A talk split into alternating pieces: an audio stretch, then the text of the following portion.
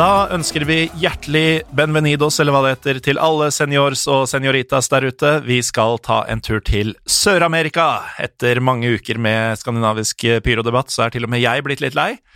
Eh, velkommen til Pyro og Pivo. I dag så har vi med oss Lars Gau. Hei, hei. Velkommen tilbake, Lars. Takk, takk. Du, eh, og når jeg sier velkommen tilbake, så er det ikke bare velkommen tilbake til podkasten. Du har jo vært eh, utenlands. Jeg har vært på tur. Um, det blei tur til Brasil og Argentina. Og da klarte jeg Det var jo sine en ferietur, men jeg klarte å lure inn noen fotballmatcher. Noen. Noen. Ja, det, det ble et par uh, fotballmatcher der. um, vi kjører litt sånn First Price uh, dritt av halvseit her i dag, Lars. Ja. Fordi uh, med oss fra Ror har vi rojale Runar Skrauseth. Velkommen til deg også. Takk skal du ha. Dette er jo en stor ære å på en måte få late som om jeg er Eivind Bisgaard Sunde for en kveld. ja. Du er jo mest kjent fra Dritte Halbseit, kanskje, og for å snakke om tysk fotball og, og Bochum og andre Bundesliga i særdeleshet. Hvorfor skal du være med for å snakke om Brasil og Argentina, Runar? ja fordi jeg har vært der i, i, gamle dager. Jeg bodde et år i Buenos Aires og så veldig mye fotball da. Så nå får vi teste hva jeg, hva jeg husker. Ja, for de som, andre som vil teste hva de husker, så har de kanskje hørt stemmen din før og hørt deg snakke om Argentina spesielt før. For du er jo en av gründerne av Pyro og Pivo. Ja, nesten. Husker du hvilket episodenummer du var med for første gang? Nei, men det må ha vært en av de aller, aller første. Tre, kanskje? Episode to, Runar. Åh. Det var altså første gang vi møttes. Ja. Jeg lurer på om det var Eivind som tipsa meg om din eksistens. Ja, det er mulig. Så alt henger sammen med alt i denne ja. Matrisen som vi lever i. Men mm. uh, det er noen år siden, Runar, at du var i Argentina, altså? Ja, det var Altså, jeg var der første gang i 2003, men det året jeg bodde der og konsumerte masse fotball, det var fra 2006 til 2007. Mm. Og det er jo nå skremmende lenge siden. Ja, da hadde jeg langt, langt flagrende hår og, og var regna som en sånn Hva skal vi si? Sånn fint tynn mann. Nå er jeg fortsatt ganske tynn på mange måter, men det henger litt pupper og litt mage og litt sånn ekstra rygg Hva heter det? Sånn håndtak der det ikke skal være. Men Lars, du, Ja. det er ikke tolv år siden du var i Sør-Amerika. Nei, det er noen uker. Um, det som liksom var foranledninga til denne turen, da, det var jo Altså, jeg som sikkert alle andre fotballfans har jo hatt uh, La Bombonera ganske høyt på bucketlista. Eh, og så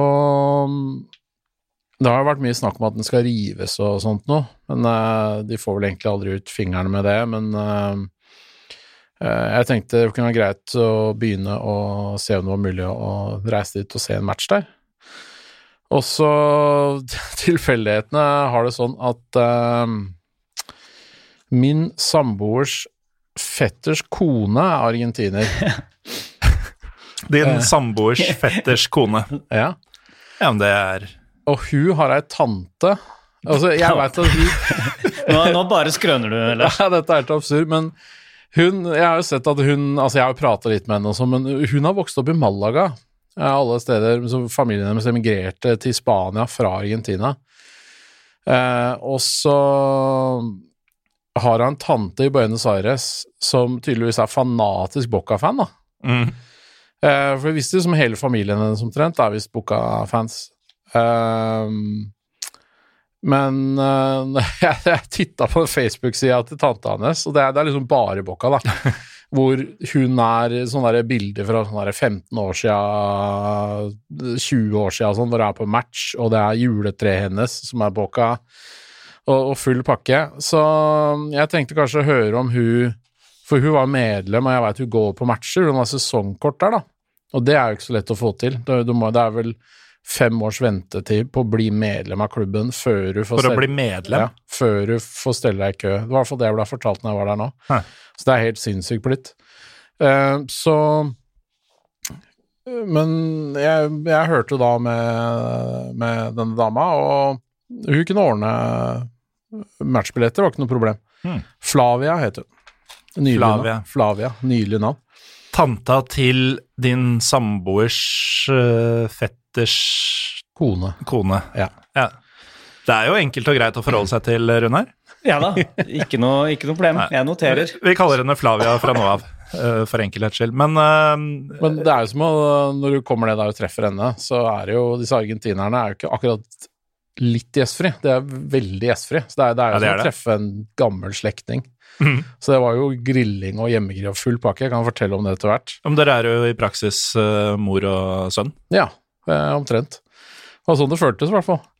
Men eh, Runar, du har jo vært mye på kamper selvfølgelig i Argentina, og for meg og mange andre så er jo det Boca Juniors og La Bombonera man tenker bare Bravas og eh, kruttrøyk og kaos. Hvor vanlig er det med gamle tanter på kamp i Argentina?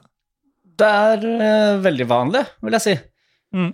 Men uh, ja, det er, en, det er en blanding. Om det er et reelt tverrsnitt av befolkningen, det er kanskje å dra det litt langt, som er på stadionet, men det er, det er, det er som, som veldig mange andre steder hvor det også er litt heftig fotballkultur, er at, at uh, om, det er, om det er veldig heftig og kanskje ungt og maskulint i, i svingene på ståtribunen, så er det er det en ganske annen profil på, på langsiden. Og det. Alle, alle finner sin plass, også gamle, gamle tanter med boka juletre.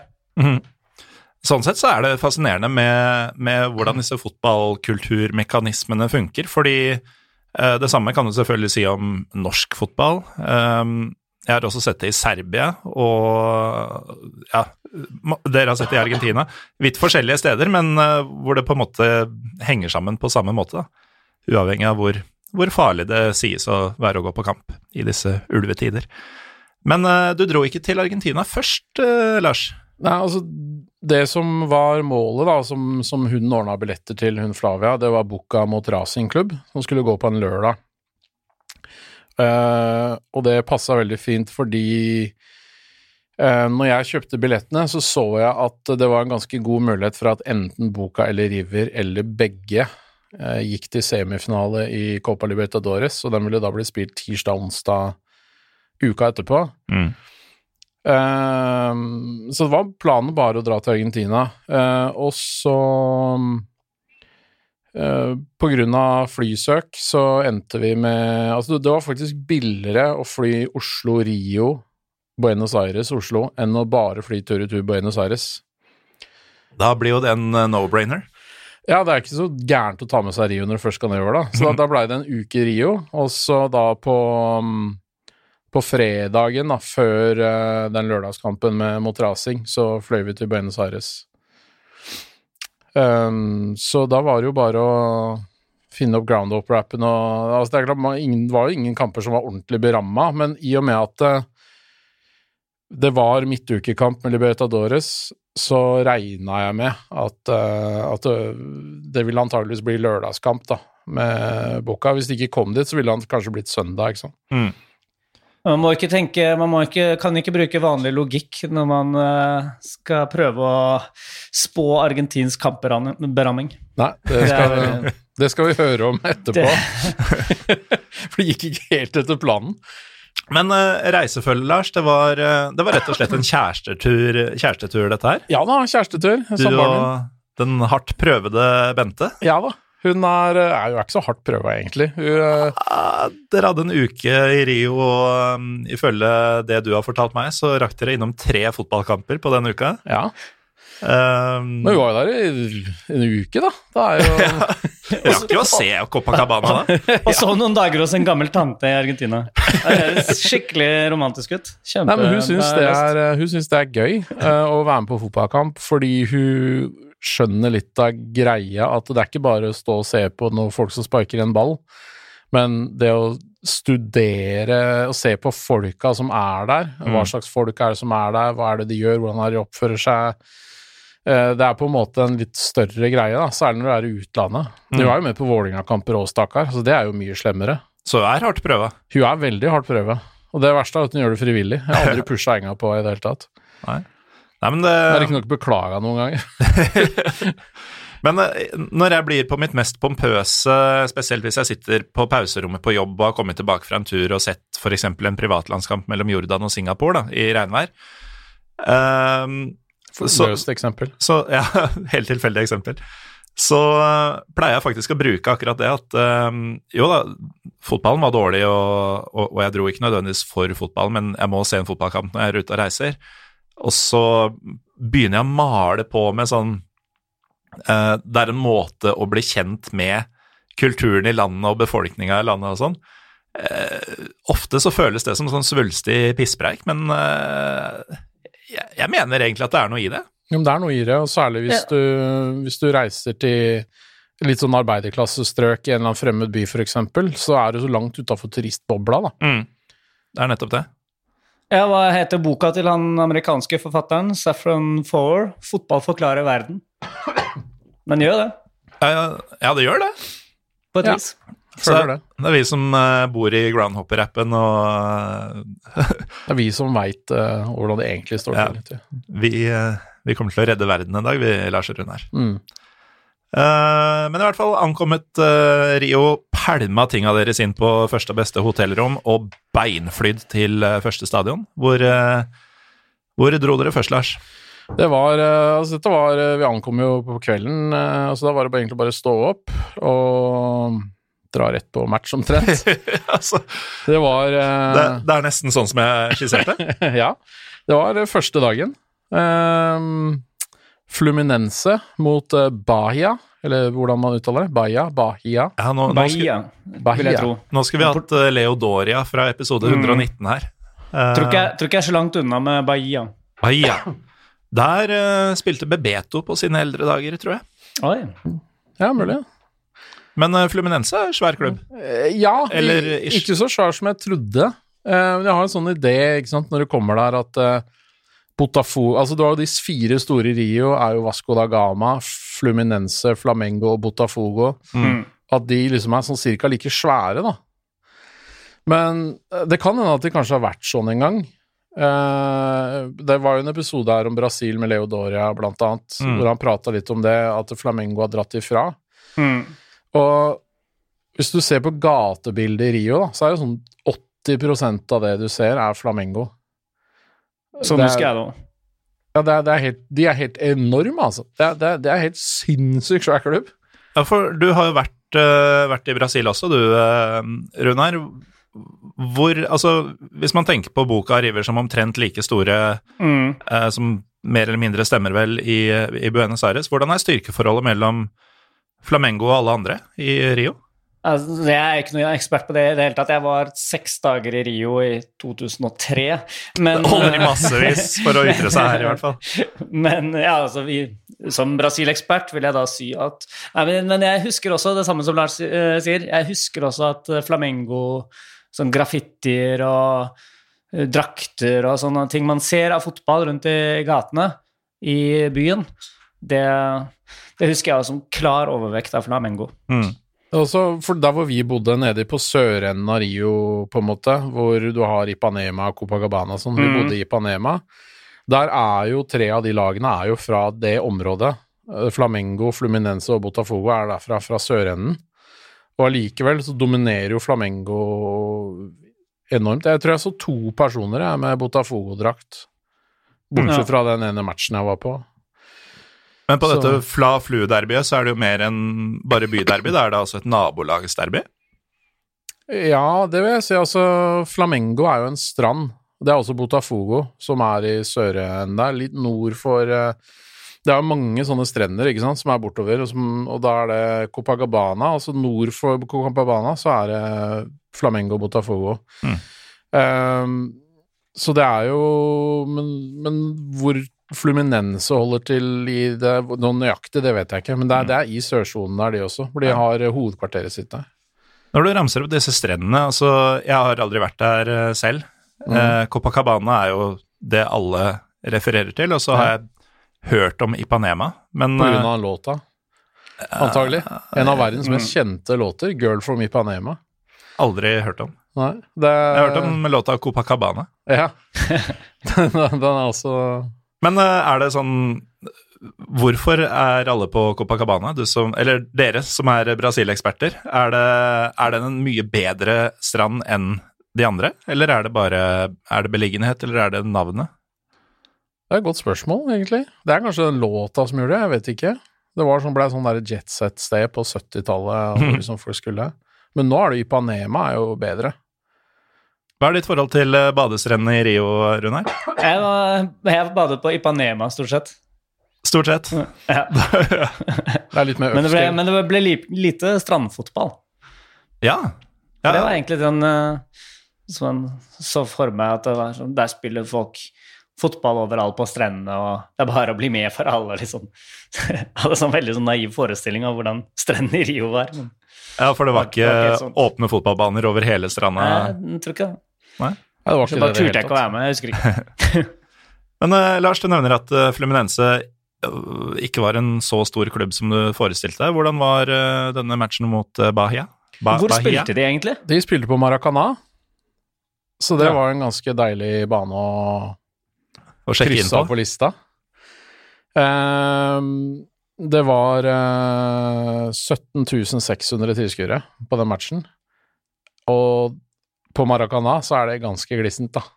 Ja, det høres eh, Altså, dette Mm. er stadionet som i sin tid hadde kapasitet på nærmere 200 000. Nå er det vel 90 eller 85 eller noe annet. Ja. Det er jo fortsatt ganske glissent med 17, altså. Men det er uh... altså det, til sammenligning, da, for uh, disse Champions League-seende lytterne våre, Old Trafford eller uh, Vestfallen stadion med 15 000. mm. Mm. 12 000-15 000. Ja, det er helt eh, Det var veldig rart. Men eh, de, er ikke så store, rett og slett. Eh, men dette er jo også laget for, for liksom overklassen i Altså det er liksom Lyn, da, i Rio. Så vidt jeg skjønner. Det, det er visst veldig sånn. Og det, det er klart, nå er jeg der på dag én, så jeg kan ikke si at jeg studerte de folka her så veldig nøye og skjønte at dette er liksom rike mennesker, men Men hva sa Bente, som studerte dem nærmere? Nei, hun øh, hadde jo ikke så mye betraktninger rundt akkurat det, men, men vi la merke til det når vi var seinere i uka, da, når vi var og så Vasco. Det er ganske annet klientell, altså. Mm. Um, og det var flere brasilianere vi prata med òg, som sa at uh, Flamengo Nei, uh, Fluminense-fans og folk som bor i sørsonen, som de kaller det, de er, tenderer til å være lysere i huden, for eksempel. Ja. Eh, og det er litt sånn knytta til klasse, da, hvor, hvor bleik du er, på en måte. For da, det finnes jo brasilianere Altså, vi ble tatt for å være brasilianere. Vi var der litt sånn utafor turistsesong. Eh, det var nesten ingen eh, utland, utlendinger rundt oss, men det, jeg tror det var en del brasilianske sånn innenriksturister, da.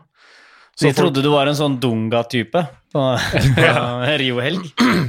Hva ville vært uh, kunstnernavnet ditt hvis du skulle gått full Brazilian? eh, og da, me, da mener jeg ikke voksinga, men uh, Ja, det håper jeg ikke. si sånn. Hva hadde kallenavnet blitt da? Nei, det nå, jeg veit ikke, altså. Det, det er jo andre som gir deg kallenavn, da. Så dere får, uh, dere får hoste opp litt, dere. Skal tenke litt på det. Det. ja, Ellers så får vi bare spørre Bente. Mm. Um, du ser jo ikke Runar, eh, Lars, for han sitter jo på Skypen min, og du sitter eh, tvers over eh, bordet for meg. Men eh, du er tørst i dag, Runar? Jeg ser det, det svelges nedpå piget der borte. Ser tørst ut. Ja, det, er så, det er så fin kveldstid uh, nå. Mm. Jeg spiller ellers inn på dagtid. Så da, Ja, så. ja Og så er det, jo- altså vet jeg jo, er jeg meg jo bevisst at nå er dette pyro og pivo. Og da stilles det litt andre krav til, eh, til væskekonsum underveis. det er vel eh, Jeg skal ikke si vi er den største fotballpodkasten eller beste fotballpodkasten eller noe som helst, eh, men jeg tror vi er den fotballpodkasten i Norge med størst drikkepress blant eh, gjestene. Eh, bare spør Petter Bø Tosterud, som ble tvangsfora med rakia eh, en av de første gangene han var med. Eh, men eh, i hvert fall Fluminense Bahia, vi, vi har jo ikke helt blitt ferdig med dette. 17 000 tilskuere, eh, litt sånn overklassefolk. Var, var det en litt, eh, litt skuffende start, eh, Lars? Nei, ikke i det hele tatt. Det, jeg, jeg var ganske Jeg var egentlig ikke i fotballhumør når jeg dro på den matchen, fordi rett før vi skulle ut av døra, så fikk jeg melding fra Flavia om at eh, jeg ikke får sett uh, boka mot rasing. For den hadde omsider blitt beramma. Den eh, hadde blitt beramma og så flytta. Dette var da seks dager før eh, kampen. Eller fra syv til seks dager. Den ble flytta fra lørdag til fredag. Så jeg lander da på flyplassen der midt i første omgang. Skulle gå seint om kvelden fredag. Fordi presidenten skulle holde en tale, en sånn valgkamptale. Så da flytta de matchen. Så det er jo klassisk Latin-Amerika. Så da var jeg egentlig bare pottesur. Så, men sånn sett så var det jo en opptur å komme på den matchen, da. Det er ikke mye som har endra seg på tolv år, Runar. Nei, dette hø- høres helt utrolig gjenkjennelig ut. Altså det er, det er jo helt utrolig. og det, det gjør at det er veldig vanskelig å øh, planlegge en sånn Mm. tur, ikke sant, for, for oss når vi må booke billetter langt i forveien og Mm. ordne fri og sånn. Du må egentlig bare ta det på hælen, og så Ja. satse på at du får med deg noen matcher. Du må egentlig sørge for å være der lenge nok eh, og bare mose inn det du får med Ja. deg i det tidsrommet. Mm. Jeg studerte der også, jeg, på universitetet i Buenos Aires, som har noe sånt som en kvart million studenter eller noe sånt. De ja, studerte jeg utrolig flittig og ivrig et uh, halvt år før jeg skulle avlegge eksamen. Og den eksamen bare flyttet de uka før, så jeg tilfeldigvis fikk, fikk beskjed om. Du fikk ikke beskjed om? Ja, jeg fikk beskjed tilfeldigvis, klarte jeg via noen å få beskjed om at eh, eksamen etter det halvåret var bare blitt flyttet på. Flytt, flyttet frem et par dager. Ja. Så det er, det er på alle, alle fronter, da. Det er Så- helt umulig å forholde seg til ting. Sånn holder en på. Sånn holder en på, ja. Um, Så ja, jeg var litt sur. Men uh, det var en opptur å dra på den matchen, fordi det er Maracana, og det Ja. er um, Det var veldig Det var egentlig ganske bra lyd inne i staden der òg, selv om det var, øh, føltes ganske folketom, for de plasserer alle tilskuerne på den sida hvor TV-kamera viser, da. Så vi hadde jo fullt av folk rundt oss, men vi ser jo ut på et tomt stadion. mm. I begge, var, var begge etasjene, for det er to etasjer der, ikke sant? Mm. Eh, Var, be, var begge åpne? Ja, det var de. Mm. Var det noen Eh, bortefans? Ja, det var et bortefelt med en uh, 400-500 personer, kanskje. Ja, for Bahia det er et eller annet annet sted nedover kysten der, er det ikke det? Ja, eller er ikke det langt nord, da? Ja, jeg, jeg tror, det, Det er en er sånn karnevalsby, er det ikke det? Langs kysten der. Jeg tror i hvert fall det er langt unna Rio.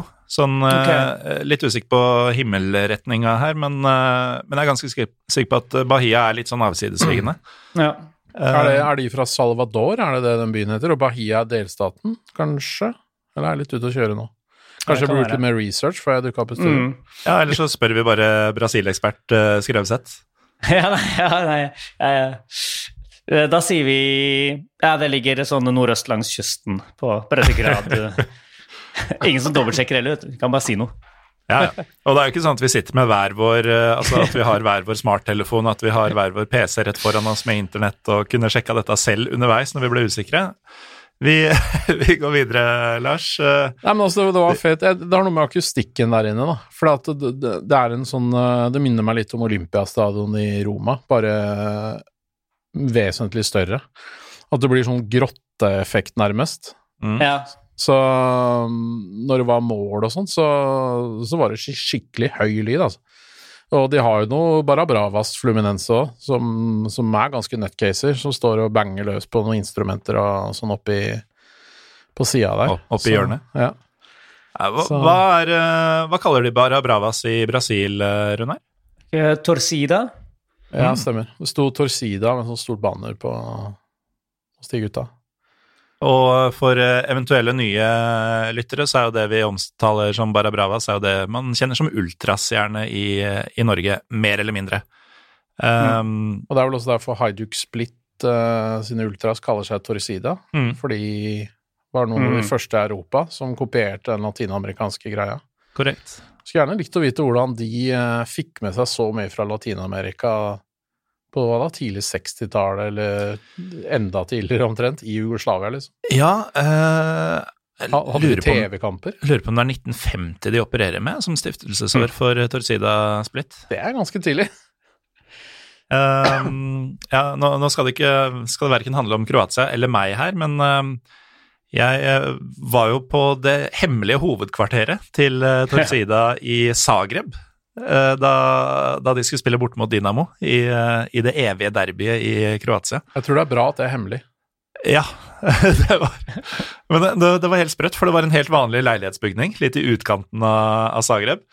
Og så tok vi heisen opp i jeg vet ikke, sjuende etasje eller noe sånt, og så går inn i det som ser ut som en helt vanlig leilighetsinngang, og så var det sånn svært eh, De hadde tydeligvis slått ned alt av lettvegger, da, og bare lagd en sånn bar, hangout-kafé-sak der. Hvor de, de grilla inne i leiligheten, og det var helt eh, Helt Johansen, som vi sier på Romerike. Men uh, dette var rett før eh, Rome Like Home og sånn, så, og jeg var aleine på ferie. Det var en tilfeldighet at jeg hadde kommet i kontakt med disse folka dagen før. Hadde egentlig pressepass og skulle være sånn kanapéspisende langsidefyr. Og så dro jeg heller dit, eh, eller det gjorde jeg heller ikke. Jeg tok trikken til et sted hvor jeg ble plukka opp av en bil som tok meg dit. Det er shady, ass. Eh, og så var jeg der. Og ingen visste hvor jeg var, ikke engang jeg selv. Nei. Så da, da holdt jeg en lav profil, da. Men det er ikke så lett som eneste besøkende som ikke snakker eh, språket. Som er 205 og Ja, nei, det, det var ikke så lett å holde en lav profil. Jeg tok fram opptakeren, faktisk, og begynte å spørre folk om ting. Men uh, uansett, Lars, det går en dag eller to eller tre, og så er du på ny fotballkamp. Og, og du nevnte at uh, Vasco-folket var noe ganske annet enn Fluminense-folket. Ja, og Vasco, det må jeg si, det var fett, altså. altså. Det er klart, Hvis du er i Rio, må du få med deg Maracana fordi det er Maracana, men det pyro pivoet-alternativet, det er Vasco, altså. Ja. Um, der så vi to matcher, faktisk.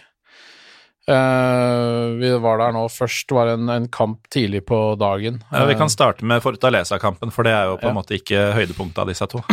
Ja, Tror jeg. Det, nei, det, det var eh, Det var for så vidt et høydepunkt, det òg, men eh, hvis, hvis, når du drar opp til, da Her er tips for eventuelle folk som er der, som kjører Uber, fordi eh, Ja, du bør kjøre Uber i Rio. Eh, så en liten avsporing igjen, da. Altså, jeg er litt sånn I utgangspunktet syns jeg det er synd at folk som kjører Uber, ikke tjener noe særlig penger og sånn. Men det er en grunn til at Uber finnes, og det er fordi taxisjåfører i en rekke land er ganske scumbags. Vi prøvde å ta taxi i Rio én gang fordi vi ikke fikk tak i en bil pga. trafikken med Uber, og da var det sånn derre Ja, slapp av, det koster like mye som Uber og sånn. Så bare, nei, jeg veit at det ikke gjør det, det er dyrere, men ok, fordi det er ikke så dyrt allikevel. Og så har han en bil som er 15 år gammel, og han er sånn sinna sjåfør som klager over myndighetene, og så kommer vi fram, og så skal jeg betale 67, og så gir jeg en 100, og så sier jeg få en 20, så får du 80, så får du bra tips, ikke sant. Og så er han sånn, nei, jeg har ikke 20 og kan ikke gi igjen, og sånn sier han etter at han har tatt seddelen, ikke sant, så blir det sånn der piss. Derfor så kjører jeg Uber, Mm. for jeg orker ikke sånt. Ja, men eh, for eh, reising uansett så er jo Uber en gudegave, nettopp av at du slipper eh, Prisen er satt, den. Mm. Det spiller ingen rolle om han kjører masse omveier og bruker lengre tid og sånn. Prisen er det som, som står der. Og, og det er avhengig av tilbakemeldingene for å, for å bli valgt til framtidige turer og sånn. Så det er Og så får du formidla veldig godt hvor du skal. mm, Og hvis du, han kjører, kjører feil sted, så er det din egen feil. For da har du lagt inn feil på den derre ja. Så men det, det er så ryddig for oss eh, konsumenter, da. Og så ja. er det jo mulig å, å tipse sjåføren i appen. Hvis, Ja, det uh, hvis man føler på det at uh, man betaler egentlig det mindre enn det man skal. Det tipset ti kroner i Rio, så Mm. det var Den ble flittig brukt.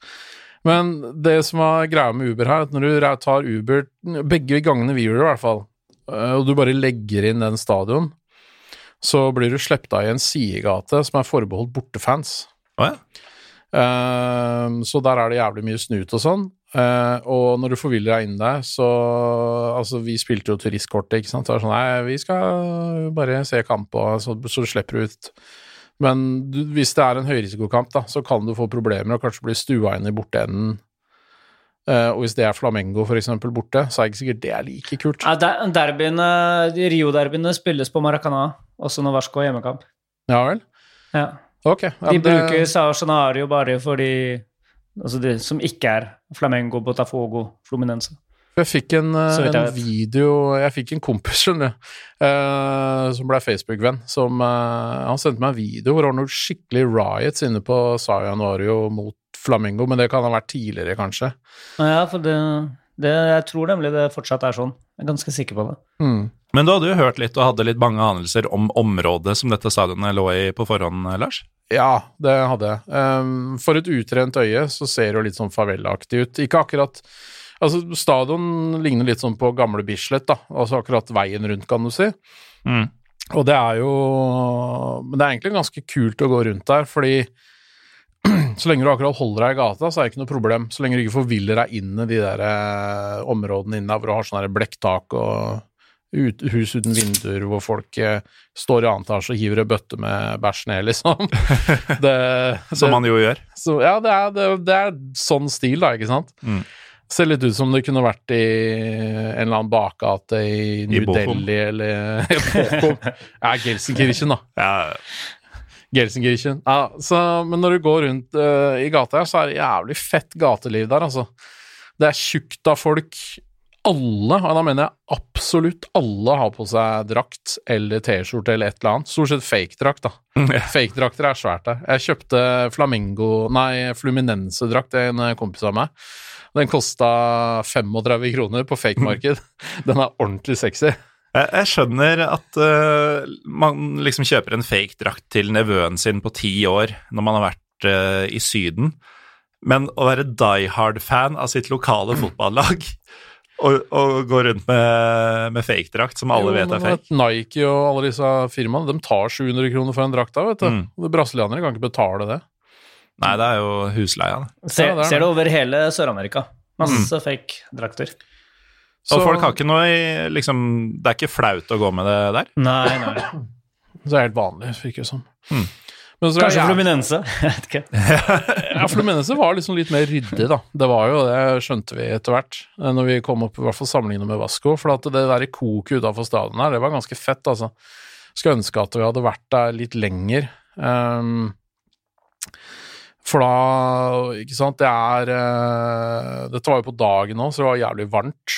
Og sola bare presser ned på deg, og det er tjukt av folk overalt, så du går i en folkemengde.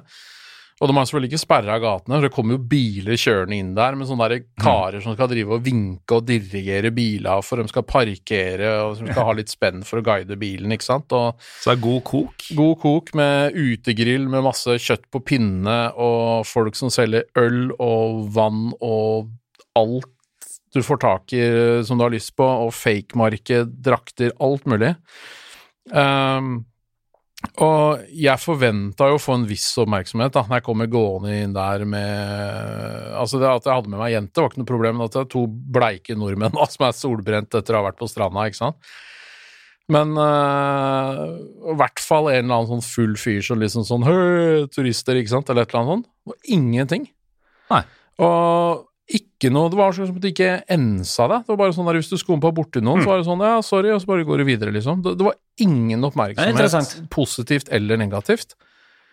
Ehm, det var liksom Det var, var nesten fascinerende, for du, du må liksom forvente lite grann, da. Ikke sant? For det er så Ja, obvious. Så særlig så er det kanskje ikke så mange turister som kommer oppi der. Men det var, eh, var ikke noe. Og mm, helt uproblematisk. Det er klart, du går jo ikke og veiver med iPhone og, og sånn der. Du, du er litt forsiktig. Ha henda, kanskje hånda i lomma der hvor du har penger. Mm. Kanskje bruke et pengebelte, sånne ting. ikke sant?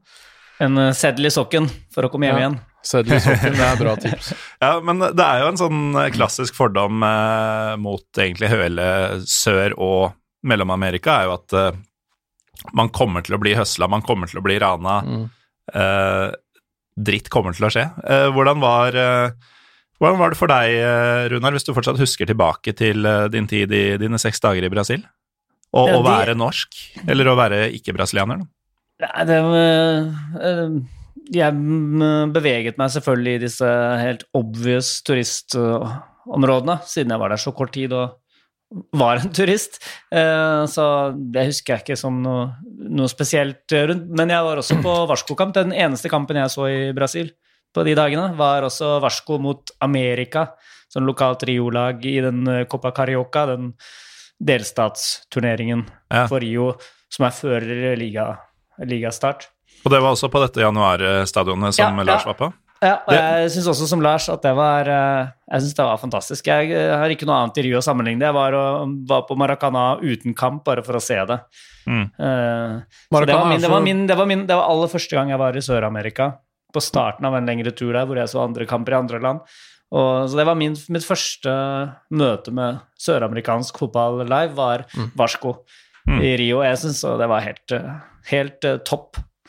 Så Også som Lars sier, sånn skikkelig fin stemning rundt stadion. Og Eh, og inne og med ja, veldig bra, veldig bra lyd. Det er en ikke så stor stadion. Skikkelig fin, skikkelig fin atmosfære. Hvor Og- stor er den, Lars? Par 20. Hmm.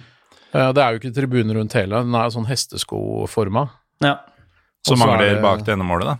Ja, og der er det Men hvis du står i svingen, så ser du rett opp på Jesus-statuen på toppen på fjellet der. Og så er det et kapell eh, bak der, og så er det svømmebasseng med stupetårn. For de er en svømmeglubb. Altså disse her, alle disse klubbene er svære sånne multiidrettsklubber. Ja. Og, er og det er en svømmenasjon. Ja. Har, de, har de fortsatt, Lars, disse musehullene av noen billettluker, eller hadde du kanskje kjøpt på forhånd? Nei, eh, det hadde de, og det hadde jeg aldri sett før. Så, men jeg fikk litt guiding. Jeg var på Og Det, det må du fortelle om, jeg var helt uh, forvirra. ja, Musehull. Ja, det, det er jævlig funny. Vi var på, jeg var på den European Football Weekends eh, på Facebook Mm. for å gjøre litt forhåndsresearch, og da var det en Vasco-kar som fortalte hvor jeg skulle gå for å få Mhm. billetter. Um, så når vi kom rundt der, så er det um, Altså, det er egentlig bare en murvegg. Og så er det musehull. Ser ut som sånne ordentlige musehull, som er altså flate nederst og bua rundt. Og Altså, en, med sånn størrelse med en knyttneve. Ja, og akkurat få armen inn der.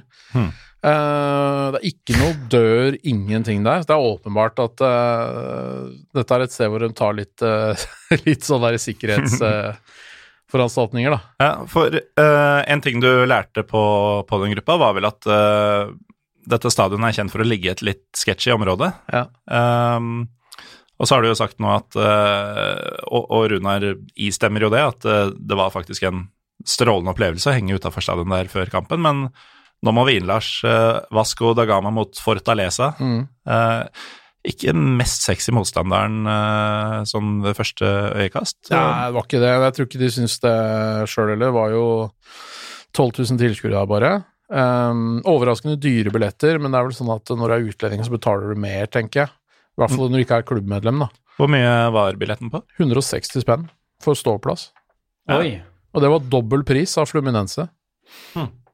Så det var veldig overraskende. Ehm, jeg fikk tips av han derre Tiago fra Facebook der om at eh, jeg, var, jeg visste dette var kickoff klokka eh, Dette var vel på søndagen. eh, så var da dagen etter andre matchen. Så da var det liksom kickoff klokka fire eller noe sånt nå. Og da stå og steike sola, det er ikke tak på tribunen her, ikke sant. Ja. Så han sa Allerede solbrent? Ja, så han sa hvilken inngang vi skulle bruke for å stå i skyggen, da. Mm. Uh, og da skulle du gå inn på noe som heter arkibankada, og det betyr ståtribune. Uh, og kommer inn der, um, så at her er klientellet helt annerledes. Uh, det, er, det er bare en helt naken betongståtribune uten bølgebrytere, som du bare går opp på, og så bare er Sånn som romerne ville bygget det? ja, egentlig. Og det, er litt sånn eh, mini sånn litt sånn der Du kan faktisk si at det ligner litt på en sånn derre Noe fra Ben Hur eller noe sånt, da. Mhm. Men så, ikke sant, Hvor du kjører sånn derre hestegreier rundt. Fordi det er en veldig sånn spesiell stil. eh, og det er jo Hovedtribunen er det vel som er verna, som er kulturminne. Den er kjempeflott med søyler og buer og greier. Eh, de har prøvd å ha det litt inne der også, så det er sånn buer og sånn rundt hele. Jævlig kult stadion. Um, og da, men så matchen begynte, ikke så sexy motstander, laget spilte drit dårlig. Og en ting jeg har skjønt med latinamerikanerne, at eh, de er ikke fremmed for å kjefte på egne spillere, da. Nei. Dæven! Det var bare Du kunne ha sånn der målemeter med sånn antall puta per minutt, da. Og den var ganske høy. Ja, for den eh, går igjen uansett om du er i Brasil eller Argentina, Runar. Ja, det, men det har man de fleste steder, har man ikke det? Ja, men Kjøpting akkurat egne. Pota ja, ja, pota, ja, ja, nei, det er selvfølgelig Den er eh, Ja, det er det mye Den av. funker på både portugisisk og spansk. Ja, ja. Veldig praktisk sånn sett. Så det var litt sånn dårlig stemning, egentlig, i, i første omgang. Folk var liksom misfornøyde. Jeg hadde kanskje inntrykk av at de er litt sånn um, Altså, de har forventninger, da. Mm. Og så tror jeg det er litt sånn som han var inne på, han um, uh, Leo? Leo. At uh, de er kanskje ikke helt fornøyd med å være i en situasjon hvor Flamengo tar rotta på dem økonomisk. Mm. For de har jo et sjukt lag, da. i forhold til de andre. eh, Flamengo her. Ja. Det har jo han derre Han derre Jeg husker ikke hva han heter, en sånn brasilianer som er leid inn fra Milan eller et eller annet sånt noe. Sånn der, det er liksom det kaliberet spillere, da. Ja. Uh, og Vasco har nok ikke akkurat det. Eh, så det var 0-0 til pause og litt sånn kjip eh, stemning, men allikevel så Det var liksom fortsatt en positiv opplevelse, da. Det er ganske kult. Folk går rundt der med med og selger øl. Med, de har sånne isoporkasser som de bærer på skulderen med is oppi, så du får iskalde ølbokser Mm. til 22 kroner stykket. Stemmer. Det er bedre ølservice enn på tribunen i Tyskland, til og med. Ja, og det skal litt til. Mm. Hvordan var øl i Brasil? Nei, det er jo vanlige pilsøl og sånn, det er jo tynt, for det er jo et varmt land, så det er Ja. litt sånn som i USA, da, hvor de antageligvis bruker mye Lyse pilsnere. Ja, de antageligvis bruker mais i maltet Mm. for å få det mildere og lysere. Men håndverksølscenen i Rio var ganske bra. Nå er du Lars Gau her. Ja, ja det, det var nydelig. Det, jeg drakk jo brasiliansk eh, øl som er brygga på en norsk kveikegjær fra Voss. Det er faen meg Det er nydelig, ass. Da er du brasiliansk hipster, ass. hipsterska- hipsterska- hipsterskalaen som sprengte, var det det jeg hørte? Jeg tror det. Mulig de har den på denne Hva heter det stedet i Bochum eh, som Josh og du likte så godt? Og jeg, for så vidt, eh, Runar. Det er baren eller den butikken? Eh, Den baren med Ja. Ja, Trinkhalle. selvfølgelig. Mm. Drikkehallen. Ja.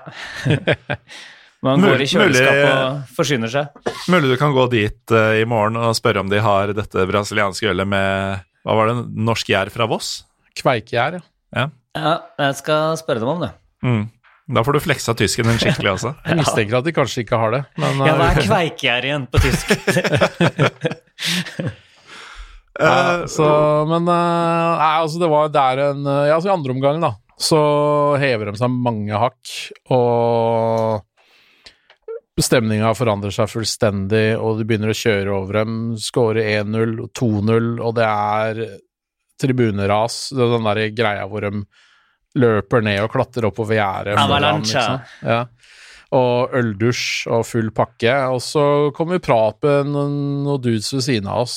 Uh, lurte på litt sånn hvor vi var fra og sånn, og da, da merker vi med en gang du sier at eh, er fra Norge, da. Altså, og det, de syns tydeligvis Altså, jeg, jeg tror ikke en Fluminense-fan hadde stussa på det, da, fordi Maracana er et turistmål. Mm. Men de syntes det var dritfett da, at vi hadde funnet veien opp i huden for å, for å se Vasco. Så da var det jo selfie og Facebook-venner og full pakke, da. Eh, Så fikk han en duden et Vålerenga-klistremerke, og da ble han veldig, veldig glad. Ja, det hadde ikke jeg blitt. Nei, det veit jeg. Men eh, ja, for ikke bare hadde dere holdt på å si, trossa gode råd og dratt ut i, i gettoen, men eh, dere hadde også ståplasser. Ja da, vi hadde det i, så- på Arki Bancada. Mm. Så det var gøy. Bente syntes det var gøy. Um, og veldig, veldig deilig at vi ble stående i skyggen, for den sola tar, altså. Så det, det var nydelig. Egentlig var en helt suveren fotballkveld. Men de gutta som vi prata med der, de var også helt klare på at eh, når matchen er ferdig, må dere vekk. Med en gang. Dere kan ikke bli igjen og, og henge og spise pølse og sånn, liksom. Etter solnedgang. Fordi når folk drar, så blir det farlig. Når Ja. folk er borte. Så da var det bare Uber rett ut. Så de gjorde ikke noe forsøk på å sminke sannheten Nei, de bare gjorde det som en sånn vennlig Ja. sånn tips, på en måte. Eh, en ting som slo meg med, med disse brasilianerne i Rio, er at altså, du kan jo liksom forvente når du er turist i en sånn stor by, som er en sånn verdenskjent by, at det er en viss sånn storbyarroganse, ikke sant? Ja. Jeg opplevde det ikke sånn i det hele tatt. Eh, det var veldig høflige og imøtekommende. De, de lot deg være i fred. Det var ikke noe sånn Akkurat når du går langs stranda, så er det litt sånn der mas om mm. Sånn der kjøp ditt og datt og sånn, men det er ikke noe pes da, eh, ellers. Og det var veldig, veldig positivt, liksom. At det ikke Opple- var noe kjipt i det hele tatt. Opple opplevde du Buenos Aires annerledes på den måten?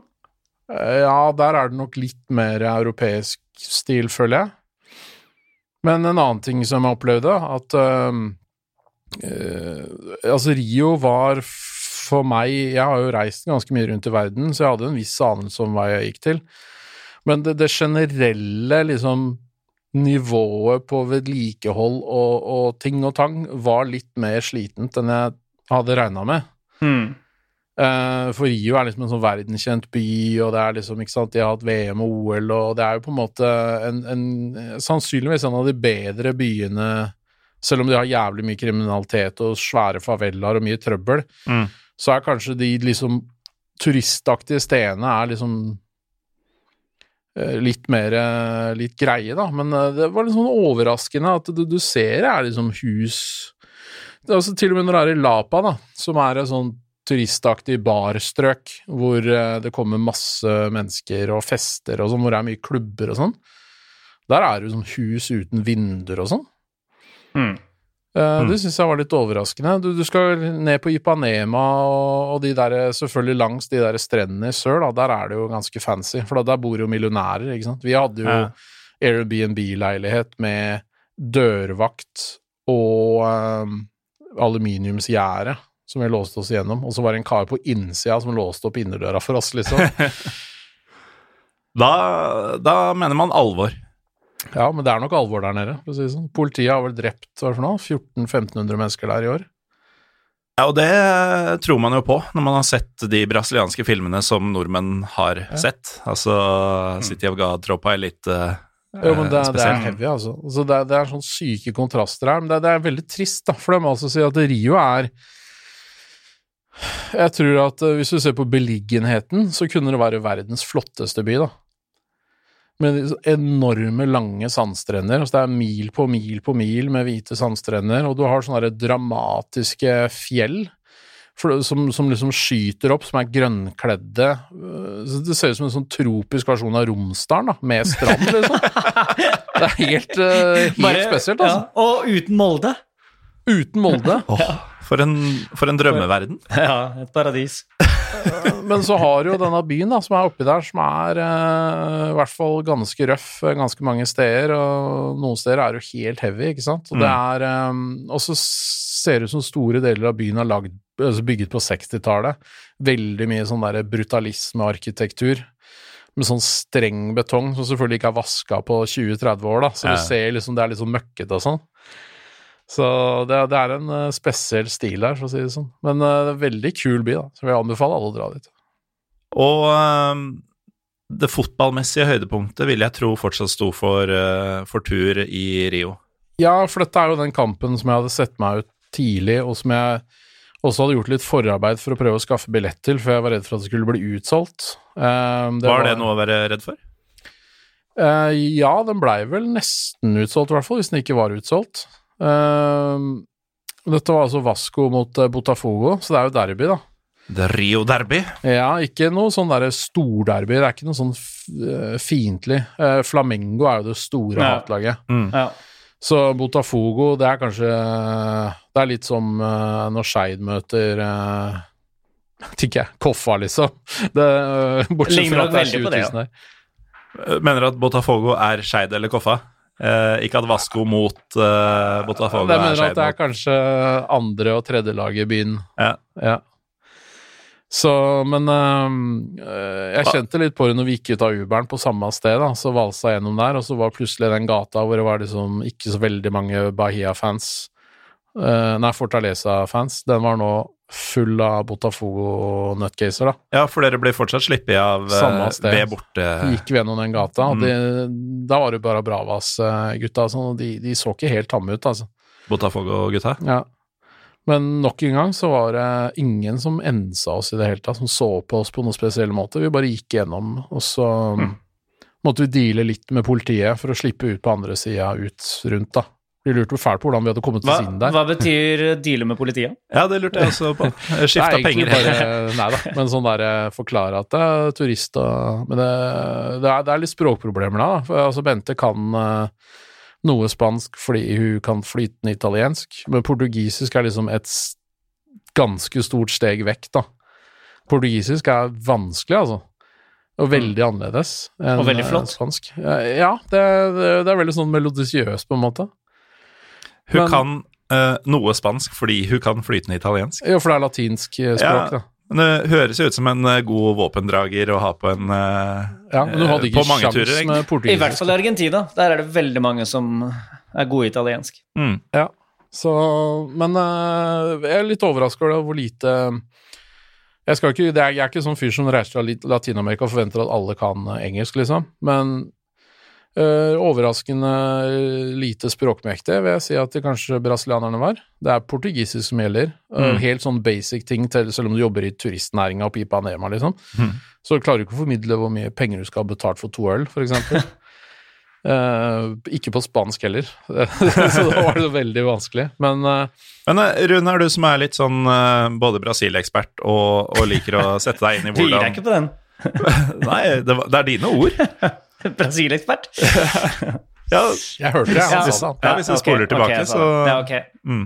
Eh, Dette kan lytterne ta deg på Mm, hvis du mm. ja. Nei, men, få men, men også som en litt sånn intellekt... Og nå er det mine ord. Eh, intellektuell fyr som liker å, å, å sette seg litt inn i eh, hvordan folk er på steder du drar til.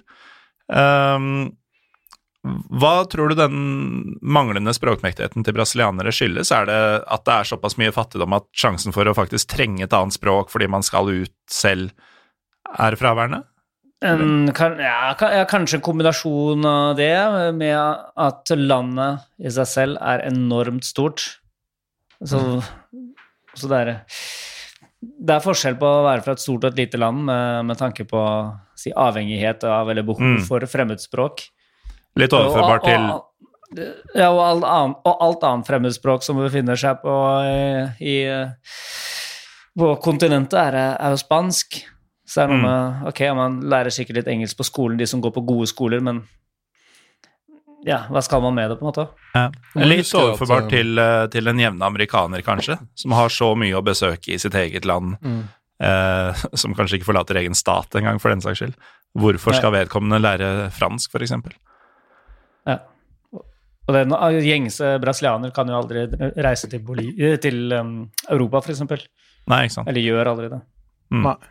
Det bor jo er 250 millioner mennesker eller noe sånt i Brasil. Det er større enn eh, Australia i området. Mm. Så Ja, det er nesten jo, like stort som Europa, vel? Ja, det er jo helt enormt. Du, du merker jo når du flyr over der, da. Det er sånn der når du, når du ser på flykartet at uh, nå nærmer vi oss nordkysten av Brasil, så bare ja, ja, det er fem timer igjen, liksom, ikke sant? det er helt Mm. enormt svært.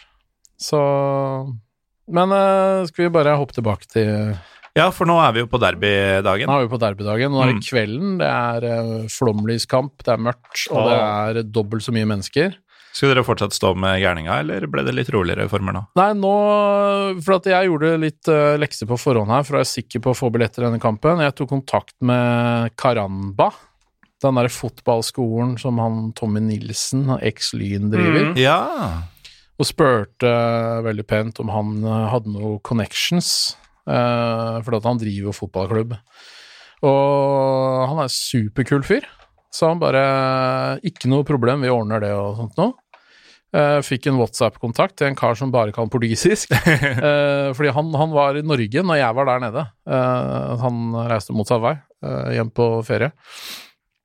Så, men Og da går vi rundt stadion, da, den samme ruta som vi gjorde sist, og nå er det jo enda flere folk. Og det er bare Ikke sant, og det er mørkt, og det er bare Du kjenner det derre koket, da, ordentlig. Med synging og øldusjing og Og så var um, Flamengo spilte kamp på TV-kamp før denne her skulle begynne. For dette var sånn kickoff, jeg tror det var ni, eller noe sånt, på kvelden. Skikkelig sein kickoff. Eh, og da fikk Flamengo straffe mot seg, så scora det andre laget. Det vi gikk forbi den derre baren. Det var bare full mayhem, altså. Med øldusjing og bare eh, helt ville tilstander fordi Flamengo slapp inn et mål, liksom. Altså, de hater Flamengo så inn i helvete. Så det var litt uh, festlig. Og så gikk vi opp der, fant han karen, uh, møtte han. Uh, litt sånn underlig møte, fordi altså, det var jo veldig seint. Så jeg var litt bekymra det er en ukedag, ikke sant. Han har sikkert jobb å gå til, så jeg var litt sånn bekymra for at har jeg liksom ødelagt eh, kvelden til en av stakkars fyr fordi jeg sendte en mail for en måned siden Eh, også eh, Han snakka bare portugisisk, og vi kan ikke portugisisk, og så brukte vi Google Translate, og så forsvant 4G-en, for det er for mye folk i området. Så da blei litt sånn kleint, også, men tegnspråk og sånn, da. Og så gjorde han en sånn Akkurat som at han var trøtt. Eh, sånn håndsignal, eh, og at han ikke ville Jeg trodde at han ikke hadde tenkt til å være med inn, men han hadde tre billetter. Så jeg skjønte ikke helt greia, eh, hva han prøvde å formidle. Men så til slutt så fant vi ut at vi skulle gå rundt. da Nå var vi på andre sida, da hvor det tidligere var sol, da, på den, Ja. liksom mot bortefansen. Men Mm. eh, nå er det jo mørket, så det spiller ingen rolle. Um, så fikk vi sett åssen det var å stå på den sida også. Eh, og han blei jo med inn, også, men han, han hadde ikke supporterutstyr.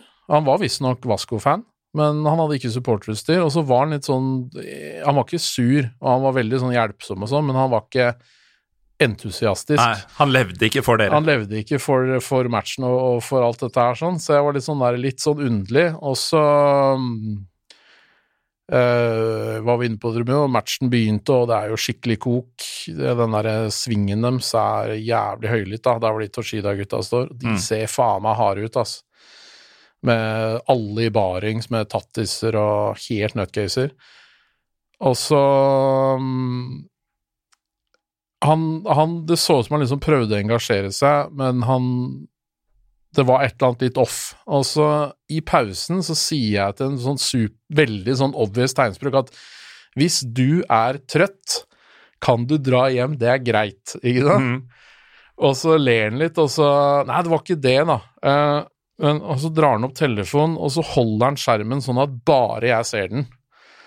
Og så viser han bilde av seg sjøl i full Botafogo-outfit. Og, Og så sier han at eh, Og så viser det seg at han, han hadde fått jobb som fysioterapeut i Botafogo. Så han var jævlig redd for å bli gjenkjent, da. Fordi han hadde gått på. Vasco-kamper når han var yngre. frykten for å bli gjenkjent fordi du er fysio for det andre laget. Jo, men altså, han, han har gått Han er jo da Han var gammel Vasco-fan, så kan han, kanskje han hadde noen gamle kompiser som hadde funnet ut at han Mm. jobba i Botafogo eller et eller annet, og så var det mot det laget, ikke sant? Ja. Så jeg bare faen risikerer Har jeg, Var jeg stelt i stand nå, liksom? Men uh, det gikk greit, da. Altså, I andre omgang så ble han kanskje litt uh, Han, løs, han blei litt mer uh, med, og så scora Vasco, og det bare tok fullstendig av, og en eller annen fyr fant ut at jeg var utlending, og så var det selfie-time, og så fikk jeg en nøkkelring av han, bare fordi. Så den har jeg nå på bilnøkkelen min. Den eh, Vasco da ga meg nøkkelring. Bra. Og eh, ja, det var egentlig bare nydelig. Så han, han, jeg tror han hadde det mer gøy i andre omgang. Det var bare det var et eller annet som liksom var litt off, da. Så av en eller annen grunn så Men også bare liksom dro han hjem. Han kjørte motorsykkel, da. Eh, jeg skjønner ikke at han tør det i den trafikken der, men skulle hjem og legge seg etter matchen. Det var jo seint, da. Det var jo over elleve når vi var ute derfra, ikke sant. Ja. Så- Og da kom dere, dere unna ganske kjapt. Ja, da var det mer folk i området, og da var det Vant de, eller? Eh, ja, de, ja, Vasco vant 1-0 over Fortaleza. Så eh, til, Botafogo, vel? Eh, nei, sorry, Botafogo. 1-0 over Botafogo. Så Hvordan, hvordan var stemningen da i gatene sånn utenfor, utenfor stadion? Det var litt sånn eh, rolig, egentlig. Det er akkurat som at det var sånn derre Altså, det var jo midtukekamp, og det var seint, da, så folk tror jeg tenkte på å dra litt hjem. Det var mer litt hard forsing før, men jeg hørte rundt hjørnet oppover bak liksom den der hardeste svingen, da sto vi på den ene langsida her, eh, Mm. der hørte jeg at det var ganske mye kok, da. I gata på oversida der. Men det Mm. var jo da feil vei, så vi, eh, vi fant en taxi, da, ikke Uber, for det var for mye trafikk i området, og så dro vi vekk derfra. For han var også klokkeklar på det, han karen her, at uh, dere må dra med en gang, liksom, ikke bli igjen her. Så det var det. Jeg kan også notere at, uh, i hvert fall for Du har jo spilt football manager. Uh, Ja, jeg vet ikke om Runar er stor på football manager? jo. jo jo Jeg regner at Freddy Guarin er en kar dere kanskje Ja, har kjøpt ja, noen ja. ganger. mm. Han, han debuterte for Vasco da Gama i den matchen, Oi, oi. Som spiller? som spiller. yes. Og jeg bare Fy faen, liksom. Så fett. Wow. Favorittspilleren min i FM. Men, men Neil Lamptey var ikke med, eller? Nei. Ingen Neil Empty, men uh, jeg så Freddy Adu uh, på tyrkisk andrenivå i 2011. Da han visstnok skulle ha vært 27 år gammel. Han, eh, han ble bytta ut ved pause. Hadde han grått hår, eller? Han hadde vel knapt hår igjen, uh, tror jeg. Type. Men uh, apropos å komme seg vekk med en gang. Vi, uh, vi legger bak oss Brasil, kanskje, og så kan vi heller ta en liten oppsummering på generelle reiseting og sånn senere, når vi er i mål. Ja, kan gjøre. Det var jo siste matchen i, i Brasil, og det, det var virkelig verdt det. Altså, Vasco er noe man må få med seg hvis man er der. Er du sulten på mer Brasil, kjære lytter, så er episode 119 eh, det ferskeste vi har derfra. Det er den vi har referert til et par ganger nå, med Leo Doria og André Østgaard, eller Noruega, som han eh, visstnok kalles i eh, Santos. Og de er eksperter på Brasil. Ja, kanskje enda mer enn du er, hvis vi skal være litt sånn Tror de har vært rause. enda mer enn seks dager i Brasil. For 100 år siden. Men uh, nå er det jo faktisk et eh, slags ekspertisefelt uh, for deg, fordi uh, selv om det er gått uh, et tiår og vel så det, så mm, har du et år bak deg i Buenos Aires og Argentina. Ja. Og nå, nå skal vi snakke om Lars sin Hvor lenge var du der, Lars? En ukes tid? En uke der òg. Mm. Så vi landa jo fredag kveld, da. Blei henta av Flavias ektemann fordi han holder med San Lorenzo. Hun hadde dratt på match, som vi hørte på i bilen på vei fra flyplassen. Det var Buca Racing, som vi skulle vært på. Åssen er det å, hørte, å høre på et uh, Buenos Aires-derby på radio i Argentina? Det, Ellevilt. Han, uh, han var engasjert, han radioprateren.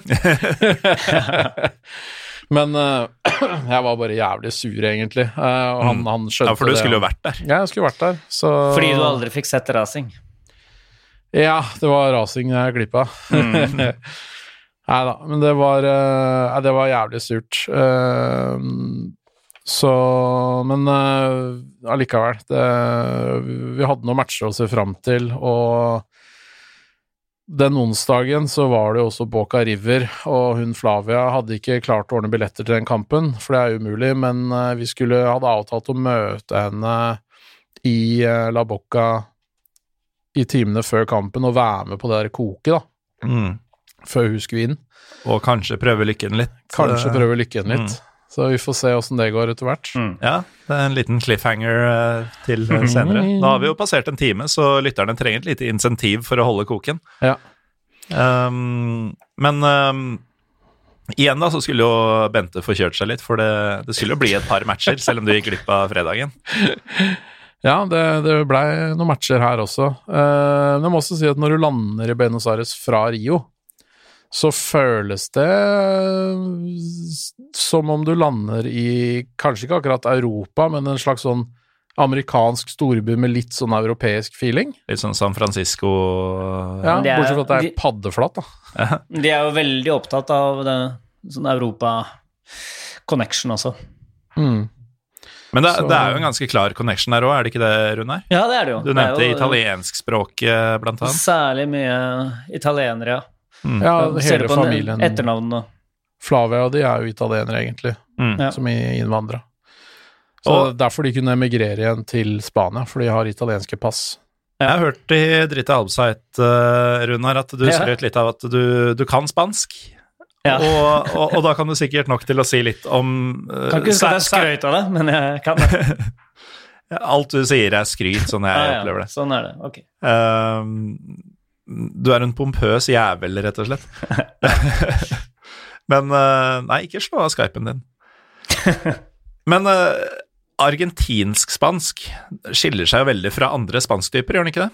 Ja, den er veldig eh, Ja, det kommer av den italienske, veldig sterke italienske innflytelsen. Så Mm. det er den, den største, eller den, den eh, mest iøynefallende, eller iørenfallende forskjellen til vanlig spansk er at den j-lyden på vanlig spansk er en sj-lyd på, på argentinsk. Så for eksempel Litt mer som i Brasil? Så for eksempel, ja, eh, så for eksempel Mallorca eh, er da Mallorca. Mm. Eh, pollo, um, som er kylling, er porcho. Ja vel, ja. Kaya gata er kasje. Men det, det er, det, er, det er det man hører veldig fort. Men så er det en litt annen intonasjon, og det, og det går veldig fort, altså. Fordi han eh, som spilte for Leicester for noen år siden, han eh, Leonardo Uloa, som det skrives Ja, eh, Han har jo alltid tenkt Ja, han har alltid vært Ujoa, tenkte jeg også. Jeg har hørt Ja, er kommentatorer ja, si Ushoa. vanlig spansk. Ja, Ushoa er argentinsk, ja. Og så har jeg tenkt, hva er det de driver med? Ja, ja. Hvordan tullinger disse kommentatorene her? Mm, Så har de hatt rett hele veien. ja. Ja, det var jo et skudd i siden. Mm. Og så er det ingen lesping på s-ene. Den irriterende lespingen eh, Som så spanjolene driver med. Ja, ja, det er bare i Spania. Nei, de er, de er tullinger, disse spanjolene. Ja, Bente sleit litt med spansken her òg, for den er ganske annerledes. Og de krydrer med en del sånne italienske Men burde ikke det hjelpe henne? Hvis det er Jo, italiensk hun hun kan? kan jo flytende italiensk, men det er det at når de har litt annen uttale på ting, og så er du ikke forberedt på når det ordet kommer, og så blir det sånn der Og så uttales det jo på en annen, må, annen måte, selv om ordet er, er italiensk, så har Ja. de en litt sånn annen uttale, og så blir det sånn derre Hva var det, liksom? Så det, det er ikke så lett å forholde seg til Og så, allikevel. og så snakker de veldig fort. Altså. Ja, de snakker jævlig fort. Muy rapido. Ja, muy rapido. Mm. Hvor, uh, hvor, hvorfor snakker spens, spente Be, Bente flytende italiensk? Hun har bodd her. Okay. Fair enough. Ja, da, Jeg, jeg godtar svaret. Um, Um, ja. Um, vi tar en liten pause, og i den pausen så skal faktisk dere lyttere få høre et eh, lydopptak fra en av matchene Lars eh, var på.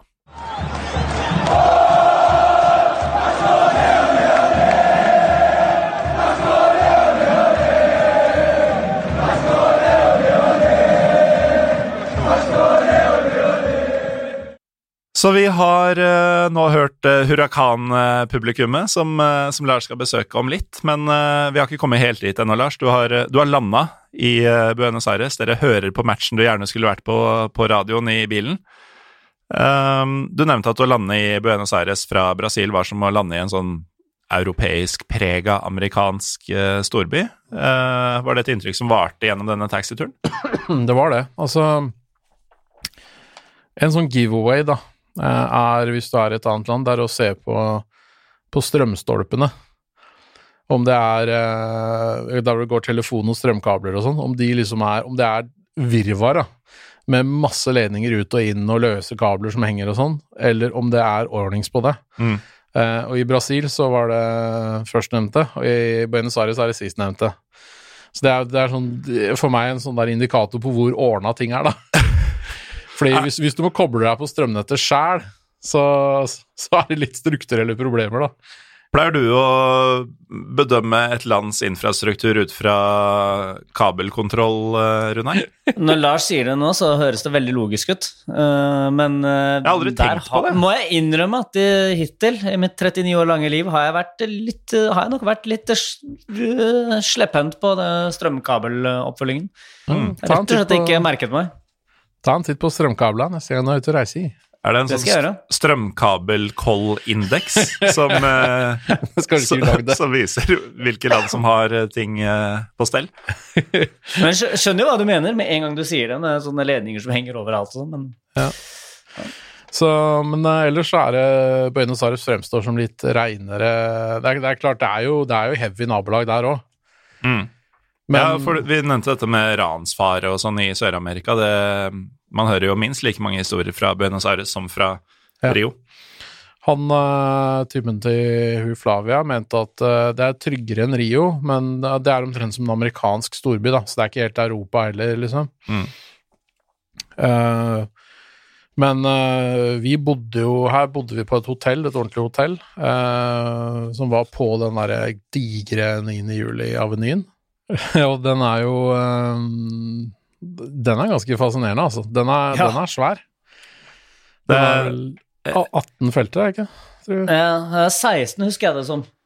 Men kanskje de har lagt på litt. Men ja, det Du skal være god til bens for å komme over på grønt lys der.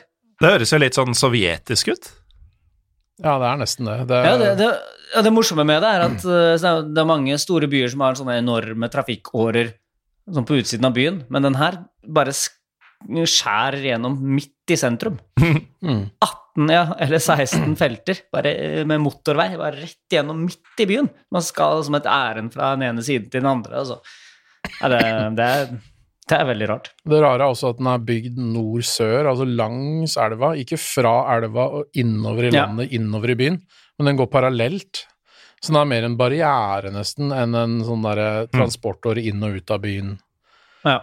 Uh, litt snort. Men uh, den er helt latterlig svær, for da har du Innerst så har du bussholdeplasser, som er plattformer, oppheva plattformer, som går langs hele avenyen, og så stopper bussene sånn ca. hver tredje tverrgate. Mm. Eh, og så har du fire bussfelter, og så har du noen sånn 12-14 bilfelter utafor det. Og du, du klarer ikke å ta den på én gåmann. For en som aldri har vært der, da. eh, Det, det høres jo ikke kjempeforlokkende ut, eh, Runar? Ja, men eh, jo, jo, det er en fantastisk by, men, men vi skal bare ta én ting til om eh, si, trafikken og veiene. Så er det uh, kjennetegnes byen også av at den har, er enveiskjørt egentlig overalt. Mm. Jeg tror det er 90% av gatene i Buenos Aires som er enveiskjørte. Kjørte du mye bil der det året ditt? Ingenting. Nei, det tror jeg høres eh, Det låter lurt. Men jeg kjørte utrolig mye buss. Jeg ble veldig god på busslinjer. Så Mm. Mer oversikt enn jeg noen gang har hatt i Oslo. De bussene er kule, ass. De er, noen, mange av Ja. dem er litt sånn motivlakkerte med sånn pinstriping og skikkelig Ja, ja. pimpa opp med sånn der krumutstyr og sånn. Veldig fint. Og mange som går hele døgnet. Og veldig, det bra opplegg. Det er glad i busser. og så er, det- i er den veldig Men det er veldig, øh, den er veldig stor, men den er veldig um, kvadratisk. Så kartet ser veldig rart ut. Mm. For det er en skikkelig sånn kvadratisk øh, by som gjør det lett å holde oversikten over nord og sør og øst og vest. Og, Det er litt sånn som Chicago, på en måte. Altså, det er bare sånn, sånn grid. grid-system, eller? ja. Og så er det gjerne fire til seks filer per aveny innover i byen også. Så det er kjempebreie gater. Og så har du vikeplikt som fotgjenger, selv om du er ved et fotgjengerfelt. Men det er lys overalt, da, stort sett. Så det er ikke noe sånn farlig sånn sett. Hva, hva gjør fotgjengerfeltet da, hvis det ikke gir deg noen fordeler som myk trafikant? Ja, det er det stedet du skal gå over for ikke å bli drept, da, kanskje, hvor du har litt bedre sjanse. Men, men blir du drept, så er det, så er det din Det er fortsatt din skyld. Du har fortsatt vikeplikt som fotgjenger. Som i Italia. Er det sånn i Italia også? Ja. Jeg tror det. Ja, men da, da var vi klare på det. Um, vi, blæsta jo gjennom en uke i Brasil, forresten, Lars, uten å prate om eh, mat. Vi var litt inne på Mm. lyst øl, men eh, det høres jo ut som fredagskvelden. Du er sur, du har gått glipp av en fotballkamp. Ja. Nå blir det et bedre måltid. Ja, det var så seint, så vi rakk ikke. Vi spiste pizza på et sånn hjørnested. Det var helt ok pizza, men eh, Nei, det var ikke noe sånn superbra start, egentlig. Det var litt sånn muggen. Men jeg hadde ikke tid til å være sur, fordi det var matcher på løpende bånd. Så det var match allerede dagen etterpå. Det var rett på Dette er et mønster i reisene dine nå. Du lander Reisene på deres.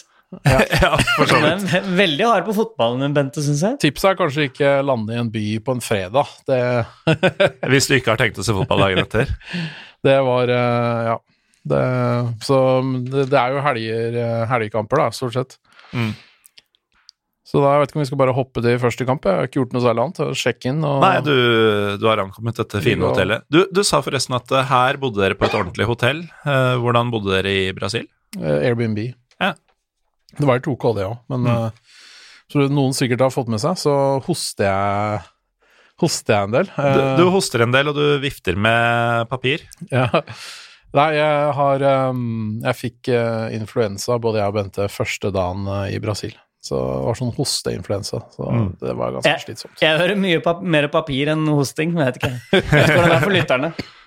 Ja, i, igjen eh, så ser jo ikke Lars eh, Runar, men eh, Runar har signalisert et par ganger at han syns papiret viftes litt mye med, Lars. Ok, skal roe det Vi som driver med tyske podkaster, vil ha litt mer ro i, ro i øret. Litt orden. Det, det har litt regler rundt papir, papirbruk hos oss. Det er jo Altså Man kan jo dra en litt sånn ond historisk øh, link her, Runar, men øh, det, er, det Det kan kan man alltid med Tyskland. Det er den store ganske fordelen. godt sprik mellom disse andre hjemlanda du har valgt deg de siste åra. ja, Fra Argentina til Tyskland. det kan man si, selv om de, det er noen fellesnevnere der òg. fleste gikk jo andre veien. Det var Ja, nettopp. Ja, det, det var den onde, onde historiske linken jeg tenkte på. Ja. Men ja, la oss prate litt uh, fotballgerspiel uh, igjen, eller um, hva de nå kaller det i Argentina. Det var veldig bra. Det er nok ikke det de kaller det i Tyskland heller, men, men vi, vi lar den passere. Du Ja. skulle se Runars favorittlag dagen etter, du. Nei, jeg skulle se Runars hatlag, er det vel det, tenker jeg. Eller er det, Hva slags forhold har du til Independente, Runar? Altså nå, nå er det jo, som jeg har vært inne på så mange ganger, er det så fryktelig lenge siden at nå har det som alt det begynt å eh, begynt, begynt å på en måte visne. Mm. Eh, eller visne, det betyr jeg Jeg følger ikke med lenger, sånn som jeg gjorde. Jeg, var veldig interessert i mange år etterpå også, og leste nettaviser hele tiden og og lett, streamet kamper om natta og sånn, men, det- men det er sånn Nå gjør jeg ikke det lenger. Men, men da uh, var jeg Racing ble min klubb i øverste divisjon, og veldig fort, med en gang, egentlig. Og det er eh, erkefienden til Independiente. Så independente var jeg veldig Der eh, lot jeg meg eh, integrere veldig raskt, og eh, hatet Independente. Hvorfor ble det rasing av alle de 73 toppserielagene fra Buenos Aires? Det ble det fordi der jeg flyttet inn, eller der jeg bodde Mens jeg ventet på å finne, finne et sted å bo, så bodde jeg på et sånt hostel På et sånt seksmannsrom Mm. der, med turister og sånn, og der var det en, en lokal som bodde, en litt sånn rotløs eh, lokal eh, type som bodde, som jeg, som jeg fikk veldig god kjemi med veldig tidlig, og han var die hard racing. Så han tok meg med, han tok meg med inn i varmen der, og, og tok meg med på racingkamper, så der var jeg alltid på racingkamper med, og midt i, midt i svingen, midt i koket med under hans vinger da. Så det var et lykketreff, og da Men eh, Racing og Independiente er, eh, er hovedrivaler, eh, Ja. og, og det er jo egentlig godt gjort å finne seg en hovedrival eh, eh, for begge to, som ikke er Boca eller River, sånn, sånn som jeg som utenforstående opplever det. da. Men før vi kommer til Lars sin opplevelse av Independiente, hva, hva er Independiente ifølge Racing-fansen? Da er de alt som er ondt. Men det er litt, men det er litt, øh, det er litt sånn øh, altså, Jeg vil, vil egentlig nødig sammenligne det med Liverpool-Everton, fordi det er på et helt annet nivå på alt. Men, øh, men det er, liksom, det, er, det, er to by, det er to lag fra samme by, egentlig. Det er en forstad til Buenos Aires som heter Avellaneda. Mm. Hvor Racing og Independiente ligger. Hvis man ser på Google Maps, så ser man at det er 100 meter mellom stadionene. De ligger vegg i vegg. Da begynner biten er- å falle på plass. Ja, og det er de to fra, det, fra den forstaden. Eller egentlig er det nesten en egen by. 350 000 innbyggere tror jeg de har. Mm. På sørsiden Også- av, av Også Buenos litt Aires. sånn kul kontrast å se på Google Maps, fordi stadion til Racing er blå og rund, og Mm, den til Independente er rød og helt firkanta. ja. Eller sånn rektangulær, da. Så det er på en måte Det er sånn kjempekontrast, og de ligger rett ved siden av hverandre, altså. Ja. Mm. Lurer på åssen det er tilstander her når det er derby Altså, hvordan Ja. adskiller du folk, liksom? Veit du det, Runar? ja, altså jeg um, um, Jeg har hatt Jeg hadde bortebillett til Independente Racing, som jeg ikke brukte. Åh, Mm. hvorfor? Hvorfor? Fordi det, fordi det var han eh, Christian, min racingvenn, som hadde skaffet billettene, selvfølgelig, og som jeg skulle gå med. Og de hadde fått 10 000 bortebilletter, tror jeg.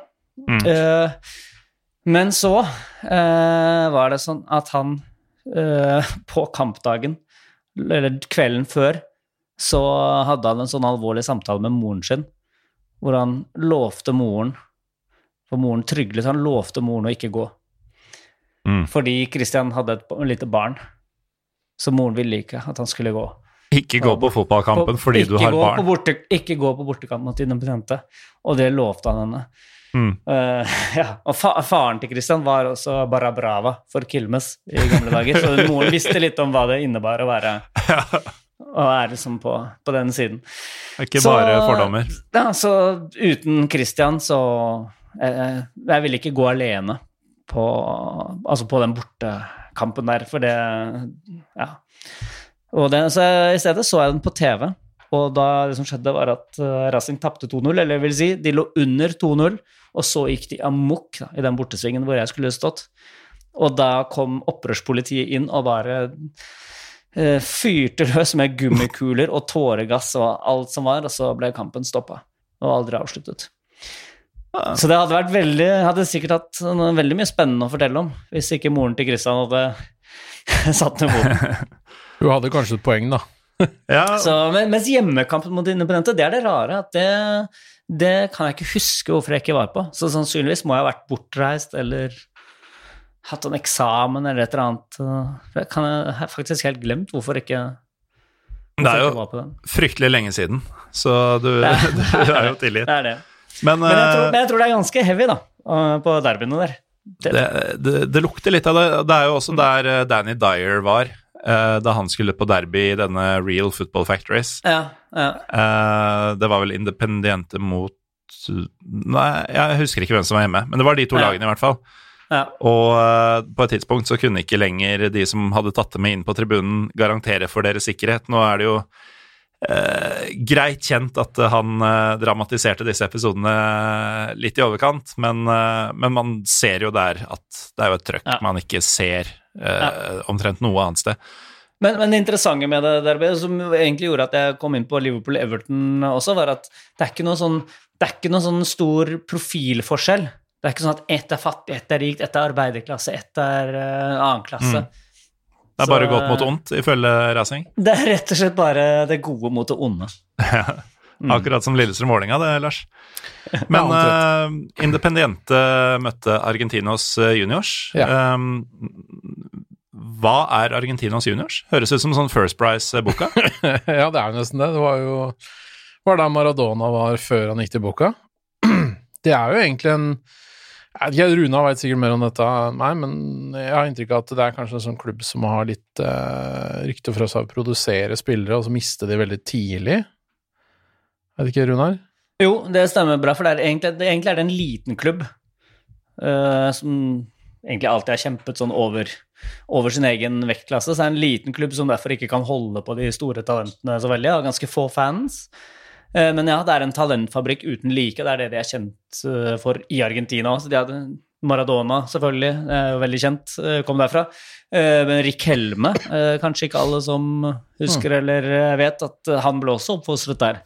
Han vokste opp der. Rick Helme og Cambiasso og Redondo, Fernando Redondo, Yes. og mange flere. Altså, Det er litt av en gjeng. det er litt av en gjeng, ja. Nå ligger de Det nesten i toppen av en av ligaen. Ja, nå gjør de det kjempebra. Det er Men- vel han uh, McAllister, tror jeg, hvis uh, Jeg er som sagt ikke så oppdatert som før, men jeg lurer på om det er han Carlos McAllister, han som var på VM-laget til Argentina i 86-90, som, eh, som er trener, og sø hvor tvillingsønnene, lurer jeg på, spiller der. Boca Boka hadde jo en kar som het McAllister. Ja, ja, ok, ja, da har han Det er Han en av de sønnene. Da har han gått fra Argen, eh, Argentinos til eh, Boca, ja, som Er det, etter, etter gammelt. er det noen som hater Argentinos juniors? Nei, det tror jeg ikke. Jeg eh, var på noen kamper der fordi det var Jeg så veldig mye fotball. Selv om jeg så, jeg så mest Jeg så mye racing, og så så jeg enda mer eh, Ferro, som var mitt lokale lag i andre divisjon der, men jeg så en del annet òg. Og Argentinos var en av de jeg så flere ganger fordi det var så nærme der jeg bodde. Så det tar veldig lang Mm. tid å Uh, det tar veldig lang tid å komme seg rundt fordi det er så stort, og noen sånn Buenos Aires-lag i gåsetegn ligger jo ute i forstedene, og jeg ikke suste rundt i eh, Uber på den tiden, men eh, jeg tok buss og skiftet her og der, og så tok, tok det så fryktelig lang tid, mens Argentinos uh, ligger, lå bare en fire kilometer, tror jeg, fra der jeg bodde. Mm. Så det var som passet veldig fint. Og jo, hva, vet dere hva stadion heter? Nei, hva heter stadion? Estadio Diego Armando Maradona. Nei, det Bare det, bare det har en magnetisk tiltrekningskraft som gjør at man automatisk går dit. Jeg var man går utafor rundt der. i området der. Jeg var der, jeg var utafor der, og så Ah, ja. gikk jeg opp til det Maradona-huset, fordi at uh, det huset han bodde i, som han, som han fikk i gave av Argentinas juniors, ja! det er nå et museum. Ai, ja, det, det må ha skjedd etter min tid, ellers har jeg ikke mm. fått det med meg. Så vi var inne der. For det er uh, Så kult. Det har bodd folk der i sånn 30 år etterpå, men uh, det ble kjøpt av en person, og så ble det gjort om til uh, uh, Det ble pussa opp til sånn som det var når han flytta inn i forbindelse med en dokumentarfilm. Eller en spillefilm eller et eller annet sånt. Og nå er det Ja. museum. Så da kan Mm. du gå rundt og se åssen det ser ut. Det ser liksom akkurat helt likt ut, visstnok. Men sånn, men sånn ålreit og sånn jordnært sted å være, men er, hvis, man, hvis, man, hvis man er eh, Hvis man eh, noen lyttere drar til Buenos Aires, og så har man en helg der hvor man skal se fotball, eh, så er det, det er så mye å velge mellom der at da ville jeg ikke valgt Argentinos. Når man først er der, så er det litt sånn dårlig valg, fordi det det er kjempelett med billetter og sånn, og det er, det er et trygt område, og det er sånn Men det er ikke noe trøkk? Det er ikke noe trøkk, nei. Det, det er ikke det.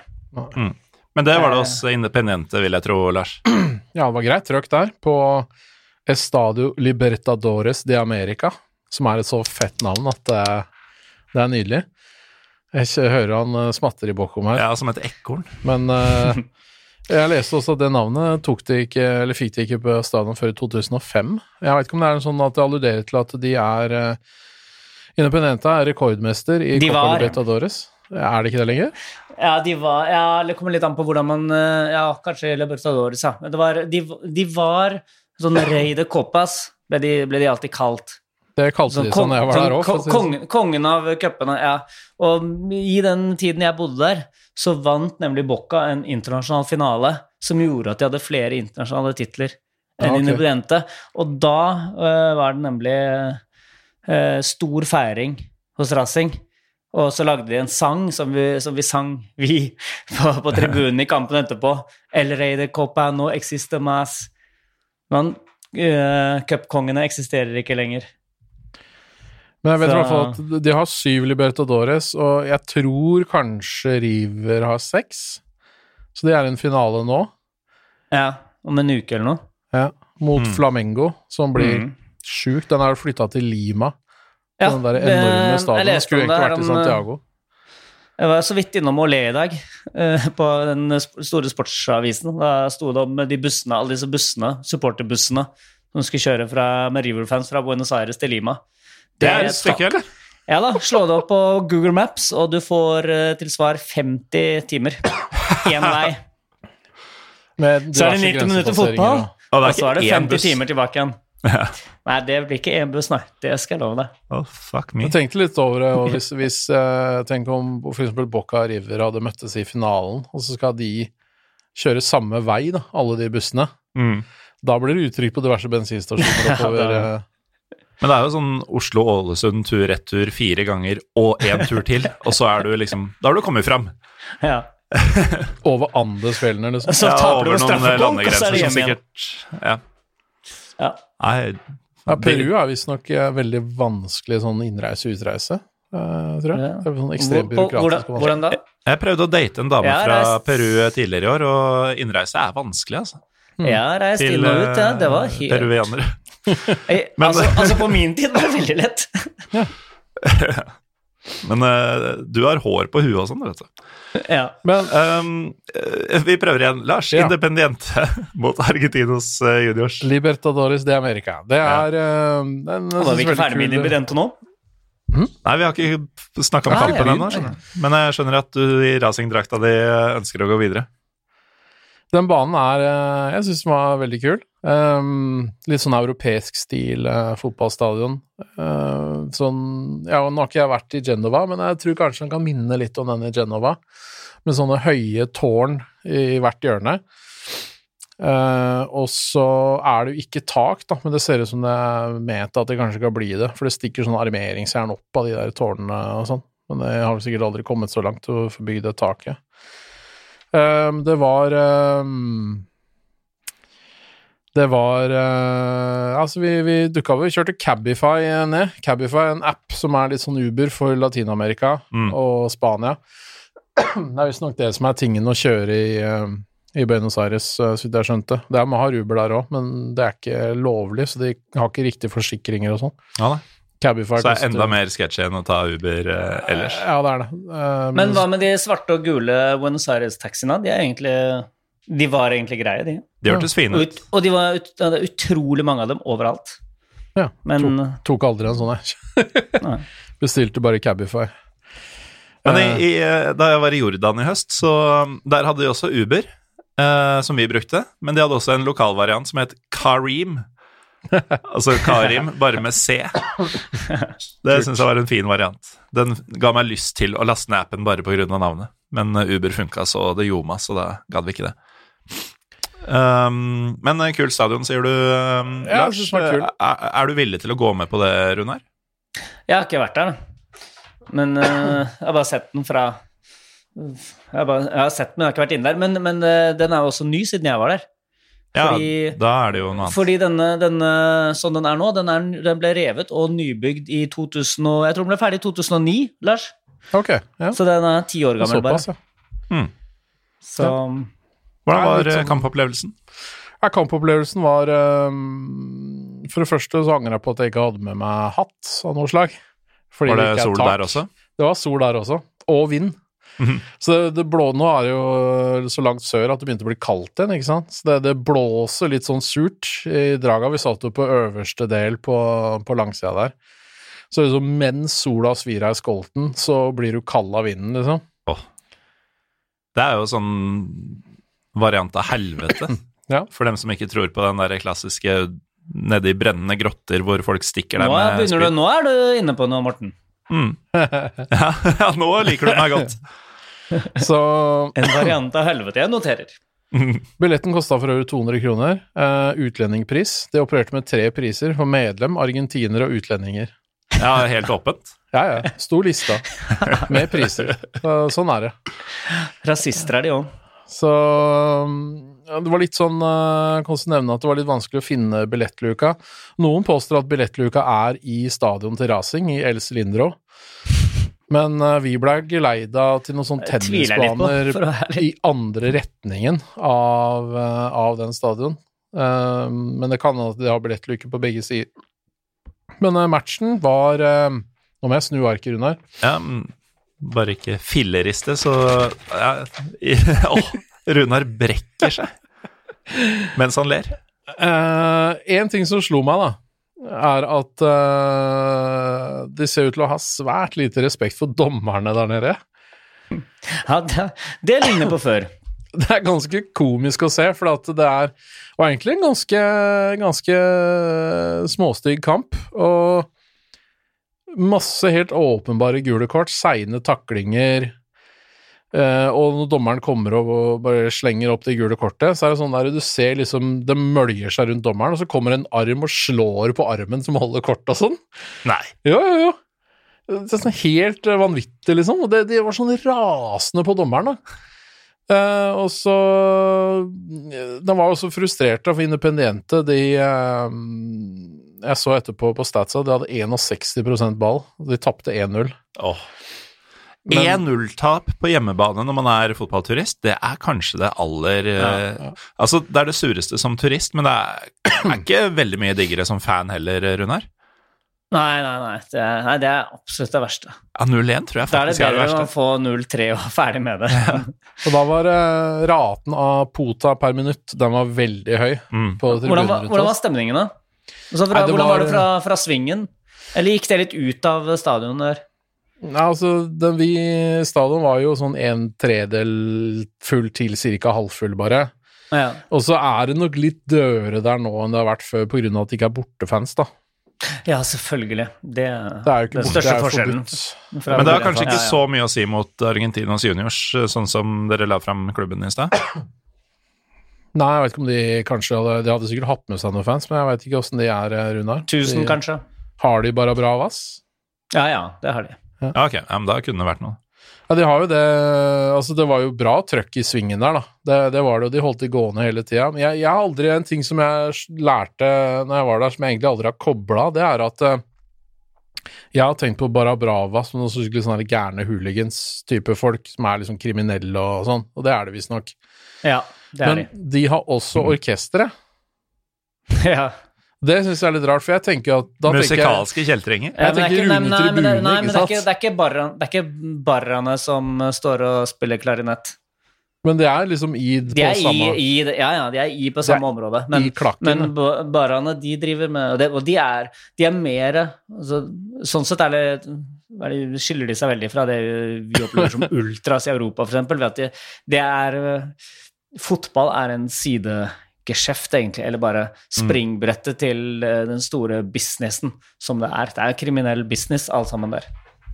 Ja, det er, det er en del av forretningsvirksomheten som Ja. helhet, på en måte. Ja, og derfor er det som man ser, ser statistikk over supporterdrap, eksempel, eller fotballdrap i Argentina, så ser det jo forferdelig stygt ut. Hvis man leser den, tenker man at det er jo megafarlig å være på kamp i Argentina Mm. fordi folk drepes og sånn. Ja, man tar ikke Men- med seg Bente på fotballkamp i Argentina hvis man bare har lest de eh, statistikkene. Men, men, men eh, de aller fleste supporterdrap i Argentina, de er mellom rivaliserende grupper i, eh, i samme klubb.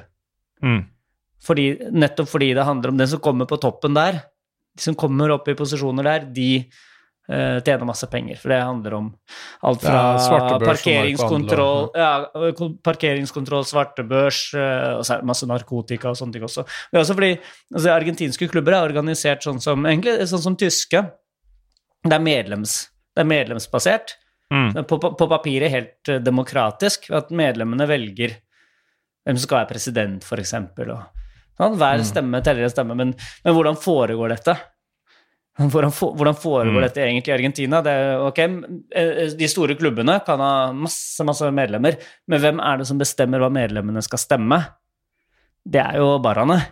Ja, ikke sant, så Og, og, hvis, og hvis, du, hvis du stiller som eh, presidentkandidat uh, for å bli president i en argentinsk klubb, hvordan skal du vinne et valg? Du må love Du må gi barene enda større friheter og frynsegoder og, og lugubre ting enn de andre presidentkandidatene. Ja, og, og du starter allerede med ganske mye uh, før denne valgkampen begynner. Altså Barra Ja, ja. Bravene har jo den posisjonen de har, Ja. uh, som de tilegna seg ved forrige sånn valg. Mm. Og så Mm. skal jo da disse uh, Altså, den som Ja, ja. går ut lavest av de to, La oss si det er to kandidater, da. Vil jo fortsatt gå ut høyere enn det de har hatt. Ja, så, det, Så, så det er jo så det er- økende makt eh, for hver for tiden som går. Ja, så det er, det er, det er kriminelle gjenger, da. Altså, Mm. egentlig. Og mm. Men, mens, rundt dem, mens rundt dem i disse svingene, så står det masse uh, utrolig engasjerte fotballfans, som vi kjenner fra Vanlige folk. tribuner. Altså, som, som, som mine tribuneopplevelser er med, med Racing, eksempel, så er det jo disse Så er det en blanding av alt. Den Racing-svingen er eh, det er helt fantastisk eh, trykk der. og Det, det, det står ikke 15 000 barabravas der. Det er jo ikke det de gjør. Mm, Men det er de som bare holder i trådene og styrer ting. Og, mm. og. Og eh, det er litt rart å se tilbake på det nå, Runar, men den eh, episode to som du var med i sammen med en eh, romeriking med munndiaré, ja. den tror jeg bare varte i sånn 35 minutter eller noe sånt, men i den så snakker du jo en god del om akkurat dette fenomenet, for folk som vil reise tilbake i tid og, og høre enda litt mer om hvordan dette fungerer i Argentina. Men nå Ja. tror jeg faktisk vi er ferdig med Independiente, eh, som Runar ønska seg for en ti minutters tid siden. Jeg kan bare nevne at det var, eh, det var ferdig, ni, ni gule kort og ett rødt kort i den matchen. Så det var bra action, da. Det er, sånn må det være. Og Sør-Amerika. Mye Pota og Concha di Madre på, på tribunen. Hadde ikke du en stat... Eller eh, Runar, du hadde en sammenligning, eller eh, hva vi skal kalle det, som jeg tror jeg tror du skrev en gang, om at uh, i Søram eller i Argentina så var det sånn at hvis det ble mindre enn så og så mange kort, færre enn så og så Ja. mange kort, så er det ikke derby. Nei, ja. eh, Jeg tror, eh, hvis jeg skal huske tilbake til min egen argentinsk eller søramerikansk derbydefinisjon, ja, så er det Hvordan var det igjen? Jo, det må, bli fær, det må bli flere røde kort enn skåringer. Ja, Ellers er det ingen klassiko. Ja. sånn var det. Mm. Så Eh, 1-1 og tre røde kort, for eksempel, en sånn, er det en passende derbykamp. Da vi tok et lite avbrudd i sendinga her i stad, så hørte vi på en uh, låt som eh, du hadde tatt opp fra tribunene til neste lag du skulle besøke, Lars. Mm. Eh, Hurrakan mot San Lorenzo. San Lorenzo er jo en veldig sånn YouTube-favoritt for, uh, for norske supportere som er på jakt etter nye sanger og inspirasjon til sine tribuner. Uh, men hva er Hurrakan? Kanskje begynne med deg, Runar, som, som har levd Ja, ja. Argentina. Huracan er, er eh, bohem, en skikkelig bohemklubb. Så du, Lars, tror sikkert at Vålerenga er bohemer, men mm. nei, nei, ja, nei, men Orakan er, det er noen ti av ti på bohemskalaen. Skikkelig, skikkelig fin eh, klubb, egentlig. Det er, veldig sånn mytologisk, mytisk, har en veldig sånn spesiell posisjon i Argentina. Selv om de har vunnet veldig lite, så har de en sånn veldig spesiell posisjon. og det er har med å gjøre at de, de dominerte sånn veldig veldig tidlig. For eksempel han, han første VM-toppskåreren, hva heter han igjen? Stabile. Guillermo Stabile. Eh, han, eh, han var Huracan-spiller, og da vant de masse på sånn rundt 1920. Mm. Og så vant de aldri noe mer. Men så har de ett ligagull i moderne tid, og det er fra 1973, under eh, Cæsar Menotti. Okay. Og da var Menotti veldig ung. Denne flamboyante treneren, for de som ikke vet, en flamboyant trener med sigar i munnviken og sånn ekstremt romantiske forestillinger om fotball og sånn. Ekte argentiner. Ja, ja, men argentinere er begge deler. Det er både, og så er det det vanvittig kyniske som Bilardo eksempel representerte. Men, men Menotti, som kjempeung, kom inn i Huracan, den gamle skakkjørte bohemklubben, og må bare kjørte på. De gikk alltid for å skåre mål, og uansett hva stillingen var. Og det sånn, veldig sånn romantisk innstilling til, til spillet. Og så, og så vant de da, eh, ligaen i, i 1973. Og han, han har masse sånne flotte sitater som han leste. Han var utrolig belest og opptatt av kunst og kultur. og sånn. Så han sa annet at fotball er et spill som nytes med øynene. Sånn klassisk eh, Menotti. Og det laget hans vant av ligaen i 1973, og etterpå har de aldri vunnet noen ting. Så, men, men det, var, det, er en, det er en veldig sympatisk klubb, syns jeg. Jeg så dem noen ganger også, fordi da jeg var der, så var de i, på nivå to. Og så var det et eller annet eh, trøbbel med Stadio Thomas Ducot, hvor, eh, hvor Lars da var. Sånn at de måtte låne en annen bane, og da lånte de stadion til mitt lokale andredivisjonslag. Og da gikk jeg noen ganger og, og så dem. Ja. Veldig mange veldig sånn kule, kule fans. Men det er jo eh, enda et i rekka av derbyer for din del, eh, Lars. Mm. Var det vanskelig å få billetter til Huracan mot eh, San Lorenzo? Eh, ja, men ikke av den grunnen du kanskje tror, for det var ikke i nærheten av utsolgt. Det, Huracan selger nesten hvis jeg bare kan bruke inn, bryte inn, så overrasker det meg veldig. For det er, det er det store hatoppgjøret til eh, Huracan, og også til San Lorenzo. San Lorenzo er selvfølgelig en mye større klubb enn en Huracan. Men hvis man spør eh, San Lorenzo-fans hvilket lag vil du helst slå, så er det, er det Huracan. Ja, for San Lorenzo er liksom en av de fem store Ja. i Buenos Aires. Det er Boca River, Independiente Racing og San Lorenzo. Ja. Eh, jeg tok meg jo i ønske at det, det hadde vært ganske fett hvis det var 10 000 San Lorenzo i den bortesvingen der. Mm. Ja, Men det var vel ingen der heller? Det var tom. Ja. Uh, mer eller mindre. Og det, men det, det var likevel vanskelig fordi at uh, de har et veldig sånn vanskelig billettsystem. Det er ikke så lett å kjøpe billett i Hurrakan. Du får ikke kjøpt billett på kampdag. Uh, Eller var det, på, var det på grunn av derby, eller var det Nei, det er sånn alltid. Ok. Eh, jeg har eh, eh, litt sånn tilfeldigheter igjen, så er det en, en kar som jeg har truffet som er, går en del Pålinga-kamper, som flytta hjem derfra fra Buenos Aires nå veldig nylig. Han gikk mye på Huracan. Og han har en kompis som fortsatt bor der, En irsk Huracan-supporter. Det er litt sånn hipster-faktor her. Eh, Ja, det virker som det er ja, mye på. expats som går og Ja. ser på Huracan. De har, de har en supporterklubb i London og Ja, nei, det Mm. kan jeg tenke meg. så, men greia du får ikke kjøpt billett på kampdag, og vi landa jo fredag kveld, og så var det lørdag, så var det Independente, og så søndag så var denne matchen her.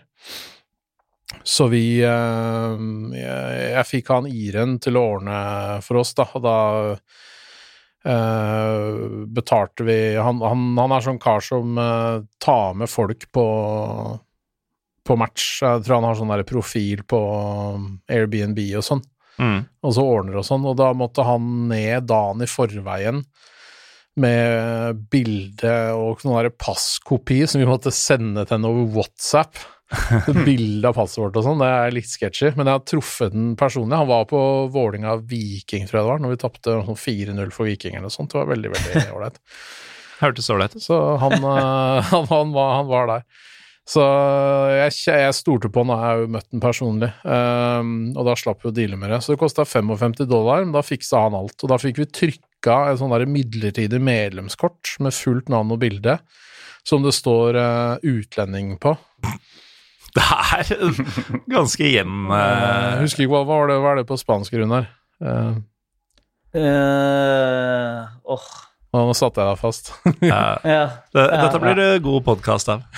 ja. Men, men det sto ikke utlending på norsk, det sto på, Sto på hva nå enn det spanske ordet er.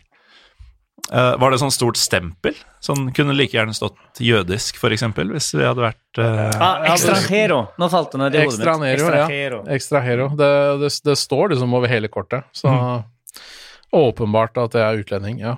Så da betalte vi sikkert mye mer òg, ikke sant. Så, Ja, det er jo det det handler om, tydeligvis. så var det sånn 500 kroner per billett, da. Oi, oi, oi. Så Som, som førstehåndsbillett? Ja. Det er han, drøyt, han var og altså. henta de billettluka. Det er mulig at han tok litt ekstra for å dra ned og hente dem og deale med det dagen For prisen i står ikke på. Eller? sånn. Nei, nei, det var bare sånne plastkort. Sånn, ja. sånn som du tapper på Men jeg fikk Ja, beholde det, så var det litt kult. Hmm. Men uh, ja. Ja, when in Rome, som ja man sier. så du ikke, det, er, det, er, det er litt for dyrt, gidder ikke det. Sånn, Mm. Nei, ikke det. Bente syntes det var helt uh, greit å bruke 1000 spenn pluss på eh, Å ja da. Det var ikke det, det, var ikke det, billige, det dyreste hun skulle kjøpe på den turen. Nei, det var Det kommer seinere. Eh, men eh, denne kampdagen starta tidlig for oss, fordi vi hadde jo Huracan-spillere på hotellet vårt. Ja. Så de bodde jo der, eh, faktisk. Selv om de har hjemmekamp, så det er sikkert sånn dere gjør, lader opp der foran med sånn derre spillemøte, og de var nede og trente litt i gymmen og sto i heisen og sånn. Blant Mm. annet han derre Lucas Barrios, har jeg kjørt heis med. han spiller der. Han spiller der, Ja. eks Dortmund. Husker eh, det var en gang Lucas Barrios holdt eh, Robert Lewandowski på benken. Det er en stund siden. Første, første gullet til, eh, til Klopp i Dortmund. Mm. Og så begynte han å kjøre heis med Lars Gau. Ja. Det, det, det hørtes mye grovere ut enn, enn det var ment. Hva, hva betyr det å kjøre heis med Lars Gau? Lars Gau? Nei, det er bare den tilstanden jeg er nå, så kan du risikere å få influensa. Det, det er Ja. litt uheldig. Ja, av alle sykdommer man kan pådra seg av å kjøre heis med Lars Gau, så Nok om det. Uheldig. Eh, nei, altså, vi dro ned nedover dit i eh, Hva er det heter? Park Patricios, er det det heter der? Pa Parque Patricios, ja, den bydelen. Ja. Og traff han duden. Hadde med seg en annen gruppe også, faktisk. eh, som var sånn Airbnb-kunder, da. Um, det var jo det. Helt greit, plager ikke meg, egentlig. Um, og vi kom inn til denne stadion. Den er også bygd i 1924 og renovert i 1949 siste gang. Eh, fasaden utafor minner litt om gamle Highbury. Eh, Ja. Veldig kul Mm. sånn art deco-stil. Og så kommer vi inn, og det, det, var, det var en ganske mektig opplevelse, faktisk. Og fordi vi kom inn helt i bånn, eh, la på hovedtribunen der, på høyde med gressmata. Mm. Den, den er så usannsynlig bratt og dyp. Å, elsker det. Det er sånn at Mm. du, du må se opp for å se toppen på tribunene når du, når du står, står i bånn der. Det er, det er som å være i bånn av en eh, skål. Mm. Altså en bolle, liksom, som du er nedi. Og så har du de der Jeg vet ikke om du har sett bilde av de, hvis du googler eh, stadion. Eh, Thomas og Dolfo Duco, så ser du at de har støpte betongseter, som er, som er Ja. en del av betongen. Ja. Det, det var ganske kult. Jeg var litt sånn bekymra for om de var utforma etter rumper fra 1924. Var rumper veldig annerledes Eh, siden Folk var litt mindre enn de er nå, da. I hvert fall jeg. så, men det var Du god var plass mindre i oppi der. 1924. da var jeg slank, skjønner du. Så Men uh, det gikk bra. Eh, ve- det er helt usannsynlig kul bane, med det derre spiret også som stikker opp der, og, det, og så står det malt hurrakan på betongen langs hele den der svingen og sånn. Med sånne varmluftsballongbilder. Ja, fordi at eh, Mm. denne de, den- de kaller seg jo El Globo, Ja. og det betyr ballongen, eller Ja. noe sånt. ja. Og det er fra mm, en sånn flypioner, eh, argentinsk flypioner, som jeg ikke husker hva jeg heter nå, Mm. som, som kjørte varmluftballong. Da. Så det var sånn der, På den tida, de, ikke sant, så var det helt enormt at mennesker kunne fly, da, ikke sant. Så det prega dem, så da, da ble det klubb, klubblogoen deres, den der luftballongen. Ja, det er kult, det. Og det høres ut som det passer inn i den der litt sånn quirky uh, identiteten de har. Mm. Men uh, ingen bortefans. Uh, hvor, Dessverre. hvor, hvor stor omtrent er stadionet her? Da var det en 45-50 Det er såpass. ja, 45, tenker jeg. Hvor mange kom? 25-30? 30, tenker jeg. Mm. Så det er decent, men eh, det var jo ikke fullt, da. Nei. Og det, du merker det at det lider veldig under at det ikke er bortefans, altså. Ja. For det blir noe med, for det er han skal bare med antallet å gjøre, selvfølgelig, det har med dynamikken også å gjøre. Så man, kan, noe- man, kan ha, man kan hate motstanderlag, spesielt i et sånt uh, ja, Huracan San, Lorenzo er egentlig et dritfett derby. Og man kan hate motstanderlag, men når det ikke er noen, når det ikke er noen fans, og sånn, når man scorer og det ikke er noen fans og, Mm. ja, det, er, eh, det er noe som mangler, da. Hvordan gikk denne kampen, Lars? Fordi det verste, altså noe som kan gjøre et derby uten bortesupportere enda verre, er jo om det blir borteseier, og det er ingen der til å juble. Mm. Uh, Hurakan vant 2-0. Gudskjelov. Tok en sjelden seier over uh, sine større rivaler. Det er ikke like stor nedtur eh, at det ikke er noen å håne etter en hjemmeseier, selv om det også Mm. er soleklart minus på totalinntrykket. Også en, for øvrig en ting å merke med at det er litt mer sånn familietype klubb, kanskje. Det er at uh, nedafor tribunen hvor Barabravaene står, så er det tegna en sånne minifotballbaner uh, i betongen, og der driver småunger og sparker fotball mens kampen pågår. Uh, det er faktisk ganske stilig. Eh, så det er liksom veldig sånn koselig Ja. atmosfære der, selv om det var jo, det var jo bra trøkk da, når det sto på. Mm. Og så de, de vant det òg, ikke sant. Og de, de, jeg tror ikke de slår San Lorenzo så veldig ofte. Nei. Uh, og så var det en fet duell, altså Lucas Barrios mot Fabricio Colocini. Oi! Yeah. Det mighty have fallen-duellen. Ja, ja. Han, eh, han er vel nå da, sikkert 40 snart. ja, nærmere Ja. 60, tror jeg. Og. Han er også fra Argentinos. ja, han, Colocini. Mm. Han, eh, han sleit med Barrios. da. Barrios skåra i første omgang, og han var veldig god, faktisk. Barrios eh, ble jo landslagsspiller for Paraguay, men han er vel egentlig argentiner? Nå Jeg tror han er født i Argentina. Ja. to spørsmålstegn her. Ja, jeg tror han ble naturalisert uh, jeg og, Mm. Jo, jeg ble litt forvirra av det, for jeg drev og googla han, og så står det at han var paraguayansk, og så tenkte jeg at det var feil, uh, at jeg klikka meg inn på en annen Lucas Barrios og sånn. Men det er han. Mm. Ja, der stemmer er, det. han har to dobbelt statsborgerskap, antagelig.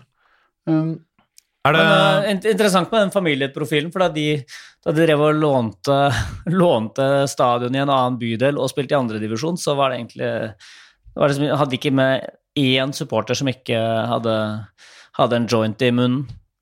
Så det var litt annen, var litt annen profil, da. ja, det var nok det. Men det var fortsatt bra trøkk og god stemning. Uh, og så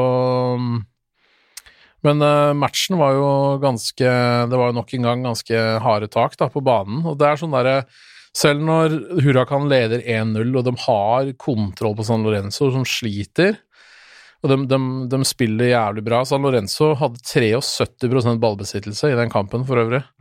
Hadde Og fem- taper 2-0? ja, hadde 556 vellykka pasninger mot 194 for hjemmelaget.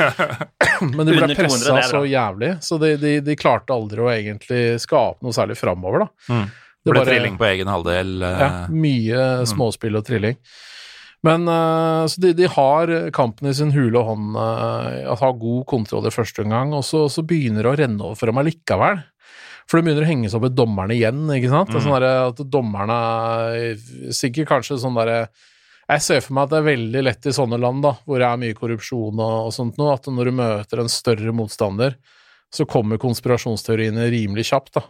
Ja. Så hvis de føler deg bortdømt jeg, jeg har ikke noe grunn til å mene at de blei bortdømt, men eh, det blei veldig fokus på dommeren, og masse gule kort. Det blei 13 gule kort i kampen. Eh, så til, pause så var det 1-0, og så går de i garderoben, og så tar det lang tid før dommeren kommer ut i andre omgang. Og da viser det seg i ettertid at eh, i pausen så hadde presidenten av Huracan og etter sigende opptil 20 personer brøyta seg inn i dommergarderoben og trua dommeren. Og du leder derby, liksom. Åh. Ja. Ja, ja. Det, det er så sykt fokus, da. Det er, Det er så, så nydelig. kok, liksom. Men altså det, Så jeg pratet Det var en nederlender her som, eh, som var i følget vårt, uh, som var Ajax-fan. Jeg tror ikke han var så jævlig imponert over uh, kvaliteten på fotballen, for den var nok litt lavere enn jeg hadde trodd. Og litt lavere enn det Ajax leverte for noen måneder siden. Litt lavere enn det Ajax driver med. Så, så han spurte meg da, sånn der, hvordan er dette nivået her i forhold til norsk fotball. så jeg bare sa at ja, når det gjelder teknikk, da, så er de jo mye bedre enn oss. Men når det gjelder smartness, så veit jeg ikke helt, sa jeg. Det, det veit jeg, sa han. For det, det, det blei liksom nesten sånn parodisk etter hvert, da. Det fortsatte jo andre omgang òg, ikke sant. Og så på slutten så drar dommeren opp et rødt kort, og så mot en Huracan-spiller, og så går han ikke av banen, og så viser det seg antagelig at dommeren har funnet han ene spilleren som ikke hadde gult fra før, da. så han må trekke det tilbake. Og så viser det seg også etterpå, som ser på TV, at Huracan skulle ha to direkte røde i første omgang, da, som de ikke fikk, og enda så tilter de på dommeren i pausen, liksom. Fantastisk. Ja. Dette er akkurat det jeg tror Argentina er. Jo, men det er, det er så Er det klassiko, så er det klassiko. Ja. Og Hurrakan, San Lorenzo går under eh, kategorien Classico, Runar. Utvilsomt. Classico di Barrio, heter det. Classico de Barrio. Så Er dette et bra tidspunkt, eh, syns dere, for et nytt uh, lydklipp fra turen din, Lars? Ja. Hvorfor ikke? Hvorfor ikke?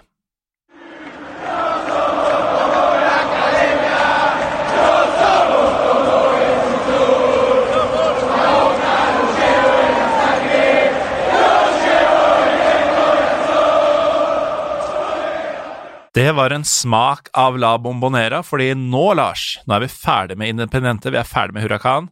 Vi skal til det som eh, de fleste vel vil tro skulle bli turens høydepunkt. For du gikk glipp av La Bombonera pga. en eh, saksbehandlingsfeil eh, ved ankomst på Buenos Aires, men du skulle jo få igjen i mente. Ja, ehm, det var jo ikke planlagt, men uh, jeg hadde jo noen følere ute, da, uh, til noen sånne der byråer og sånn, for da, du, du får ikke tak i billett i boka på noe annet vis enn å bruke reisebyrå og sånne Airbnb-firmaer og sånne ting. Nei, vi, vi må bare skyte inn, Runar. Han skulle ikke på en hvilken som helst Boka-kamp. Det var akkurat det jeg ville si. Én ting er å se en seriekamp på Boca Lanos. eh, en annen. Dette er semifinalen i Copa Libertadores mot River. Altså, det er- det er dobbelt umulig. Ja, det er, eh, Altså, det er så umulig. det Og så er det er andre legg i semifinalen. Ja, og for de som husker eh, hvordan de eh, forsøkte å avvikle finalen i samme turnering i fjor, så, så skjønner man jo at dette, dette går for seg.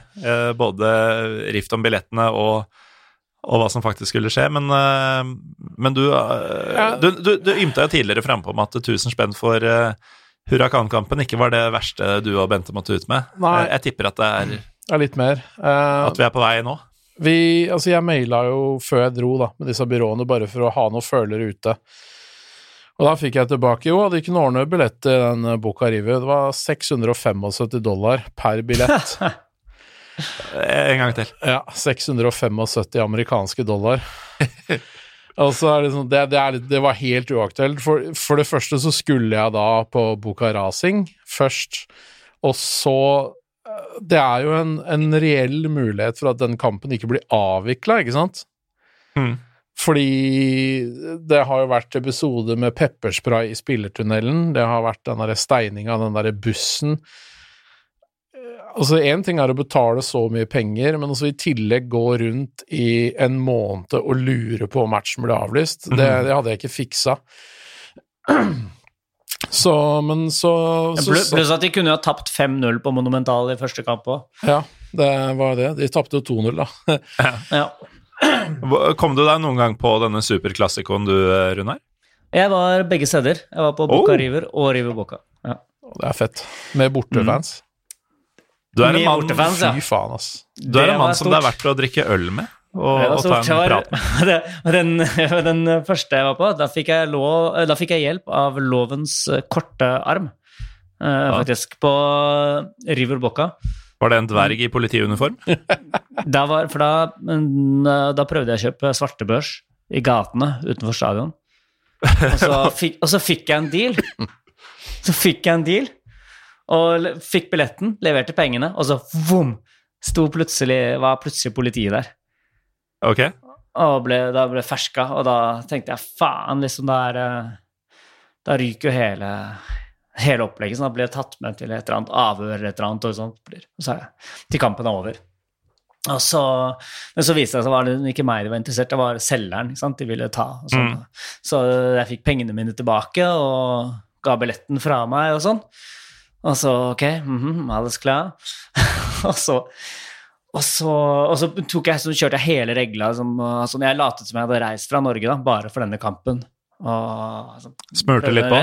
Mm, og, så, og så tar han ene politimannen og bare sånn, snakk, sier litt lavt til meg inni øret sånn Ja, men du, bare ikke, ikke gjør det så åpenbart med Ikke gjør det så åpenlyst med de pengene. Der borte så bare peker han ut en gate lenger borte.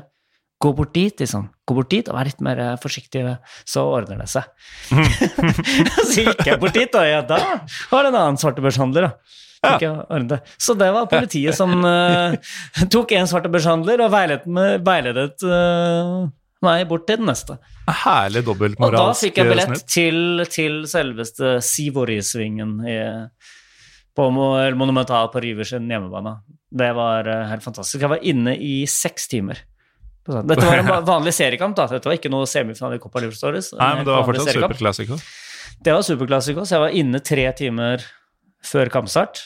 Og Jeg var så redd for at, så redd for at billetten skulle være falsk. Mm. Og så ville jeg fortsatt ha muligheten til å kunne eventuelt ordne noe, Ja. hvis jeg ikke kom inn på den. Nei, ingenting som å så være kom på inn, så var det tre timer til kampstart. Det var fantastisk, for da, var det bare, da bare gledet jeg meg så helt enormt. Og bare så folk komme inn, og det var jo synging. Så de siste to timene før kampstart var det synging kontinuerlig. mm. det, er, det er ingenting som å være i et eh, fremmed land hvor du ikke har helt kontroll på ting, og du er litt usikker på om billetten din funker, og så nærmer du deg den leseren. Ah, ja, ja, ja, ja, det er sant. Og det ja. Det er herlig. Men uh, tilbake til din billettjakt, Lars. Uh, du hadde blitt forespeila en avskrekkende pris. Ja, du, jeg hadde jo slått dette fra meg. Jeg skulle, vi hadde jo avtalt å møte Flavia der nede på kampdagen og ikke sant, heie fram spillebussen og full pakke, da. Stein, Steinriverbussen. Riverbussen. Um, og så det var derfor tante Flavia var der. Ja. Nei, hun er ikke tam, hun, altså. Eh, men eh, Så vi hadde vært ta dagen før, så hadde vi vært på den der berømte Recoleta-kirkegården, Mm. hvor eh, hun eh, Eva Perón ligger og sånn. Eh, det er jo en samling av sånne mausoleer, egentlig. Det er jo helt absurd, den kirkegården. ja. Det er vel den, eh, den kirkegården i verden som best forsvarer å være en turistattraksjon, hvis jeg har skjønt det riktig. Ja, det vil jeg tro. Den har vært et besøk. ja. Så sitter vi på en kafé etterpå, eh, og så flekker jeg opp telefonen og sjekker mail. Eh, jeg var litt sånn eh, Jeg var litt sånn engstelig. Faen, så skal jeg reise hjem uten å ha fått med meg dette, liksom. Mm. Og så tror jeg første gangen jeg Første gangen jeg drar opp mailen på turen, Mm. Så ligger en mail der fra det byrået som jeg kontakta tidligere. De som ville ha 675 dollar? Den var sendt to timer tidligere, og de hadde fått noen kunder som hadde kansellert flight, så jeg kunne få de samme billettene for 4,75. Fortsatt dollar. Fortsatt dollar, så det er fortsatt uh, mye penger.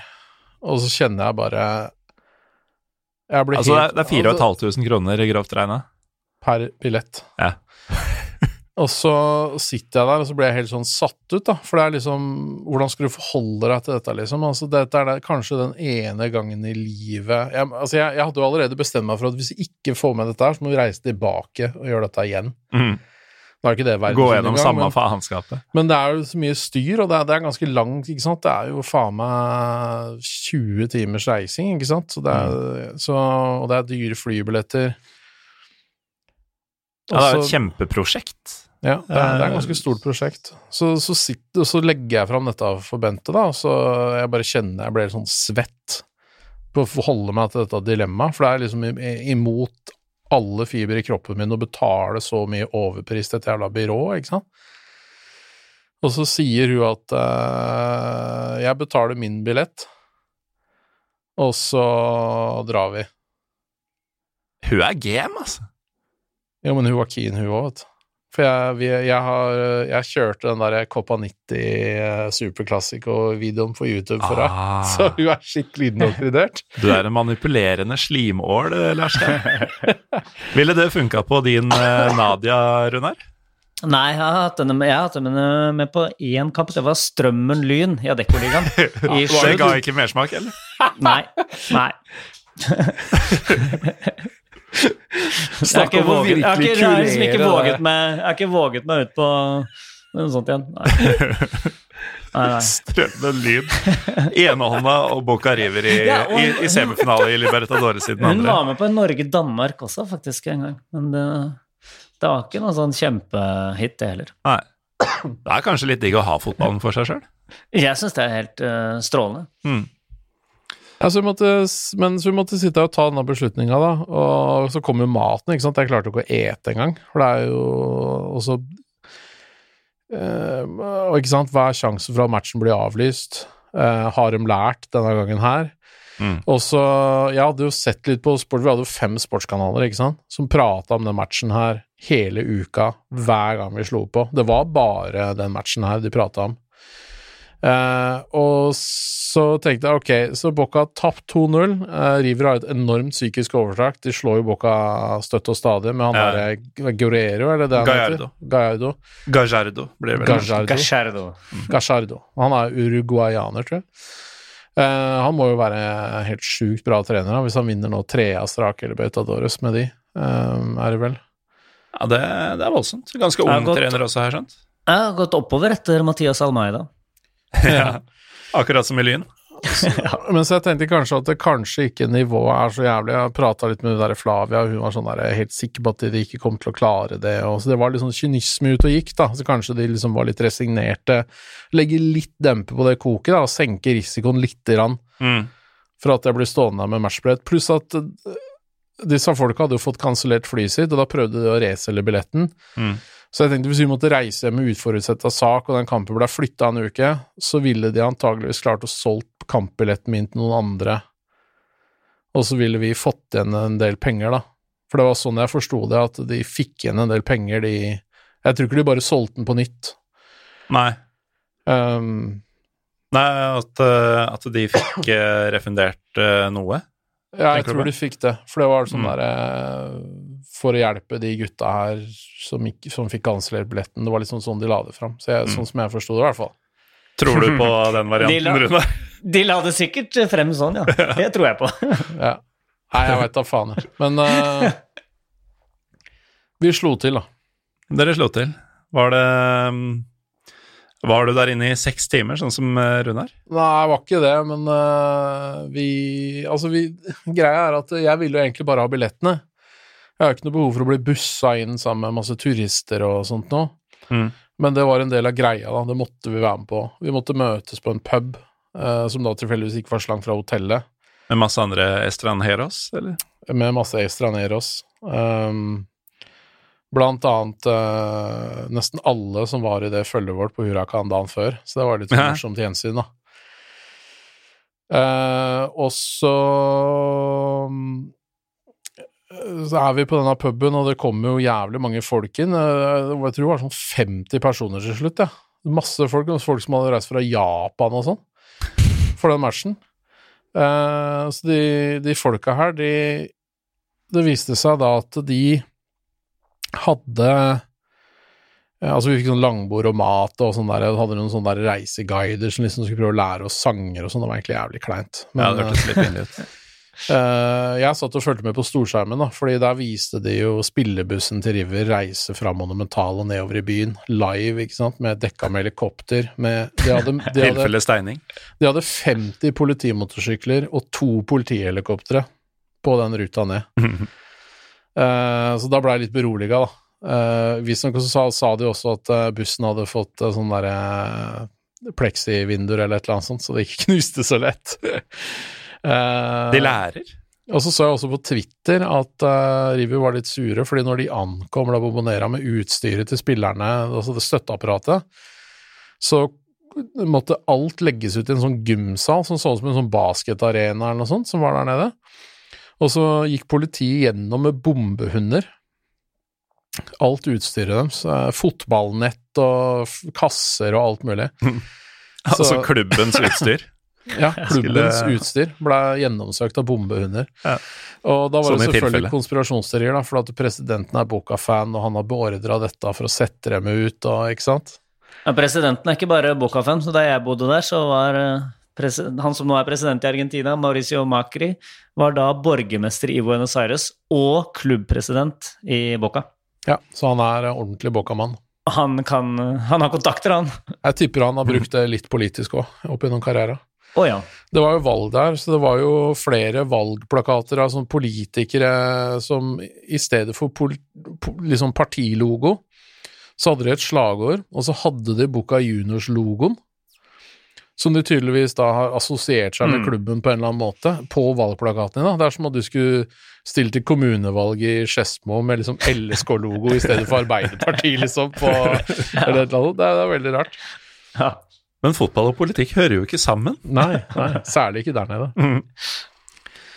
Så det var egentlig ganske gøy å liksom se, det var jævlig spennende, altså, å se liksom bussen kjøre ned, altså det der blusshavet oppe ved stadion som de reiste fra, og nå kjente du at nå var det virkelig i gang, altså, da begynte jeg å få pulsen litt. Mm. Og så kjører vi inn til stadion, og da får vi utlevert eh, sesongkort. For det viser seg at den der, det byrået her, de har falske medlemskap. Eh, Mm. med, de hadde svær bunke med sesongkort, de har sikkert 40-50 falske medlemskap, Mm. som de har hatt ganske lenge. Eh, så jeg het Ignacio Gonzales, og Bente hadde også guttenavn. Ja, perfekt. Eh, eh, men det var på en måte Altså, dette er jo også litt sånn som strider imot mine prinsipper, ikke sant? Det, det, det å også være med på en sånn greie, men der nede så er det det, er det du må gjøre, da, for å komme inn på en sånn Ja, kamp. vil, vil du inn, eller vil du ikke inn? Sånn Ja, det er- og, og jeg fortalte dette altså til hun Flavia, for vi var der på grilling hjemme hos de dagen etterpå. Sånn asado, som det heter. ja. Og da var det, da, da forklarte vi, og de bare Å ja, dere betalte 475, det er jo decent. Vi kjenner noen som betalte 500, liksom. Ja.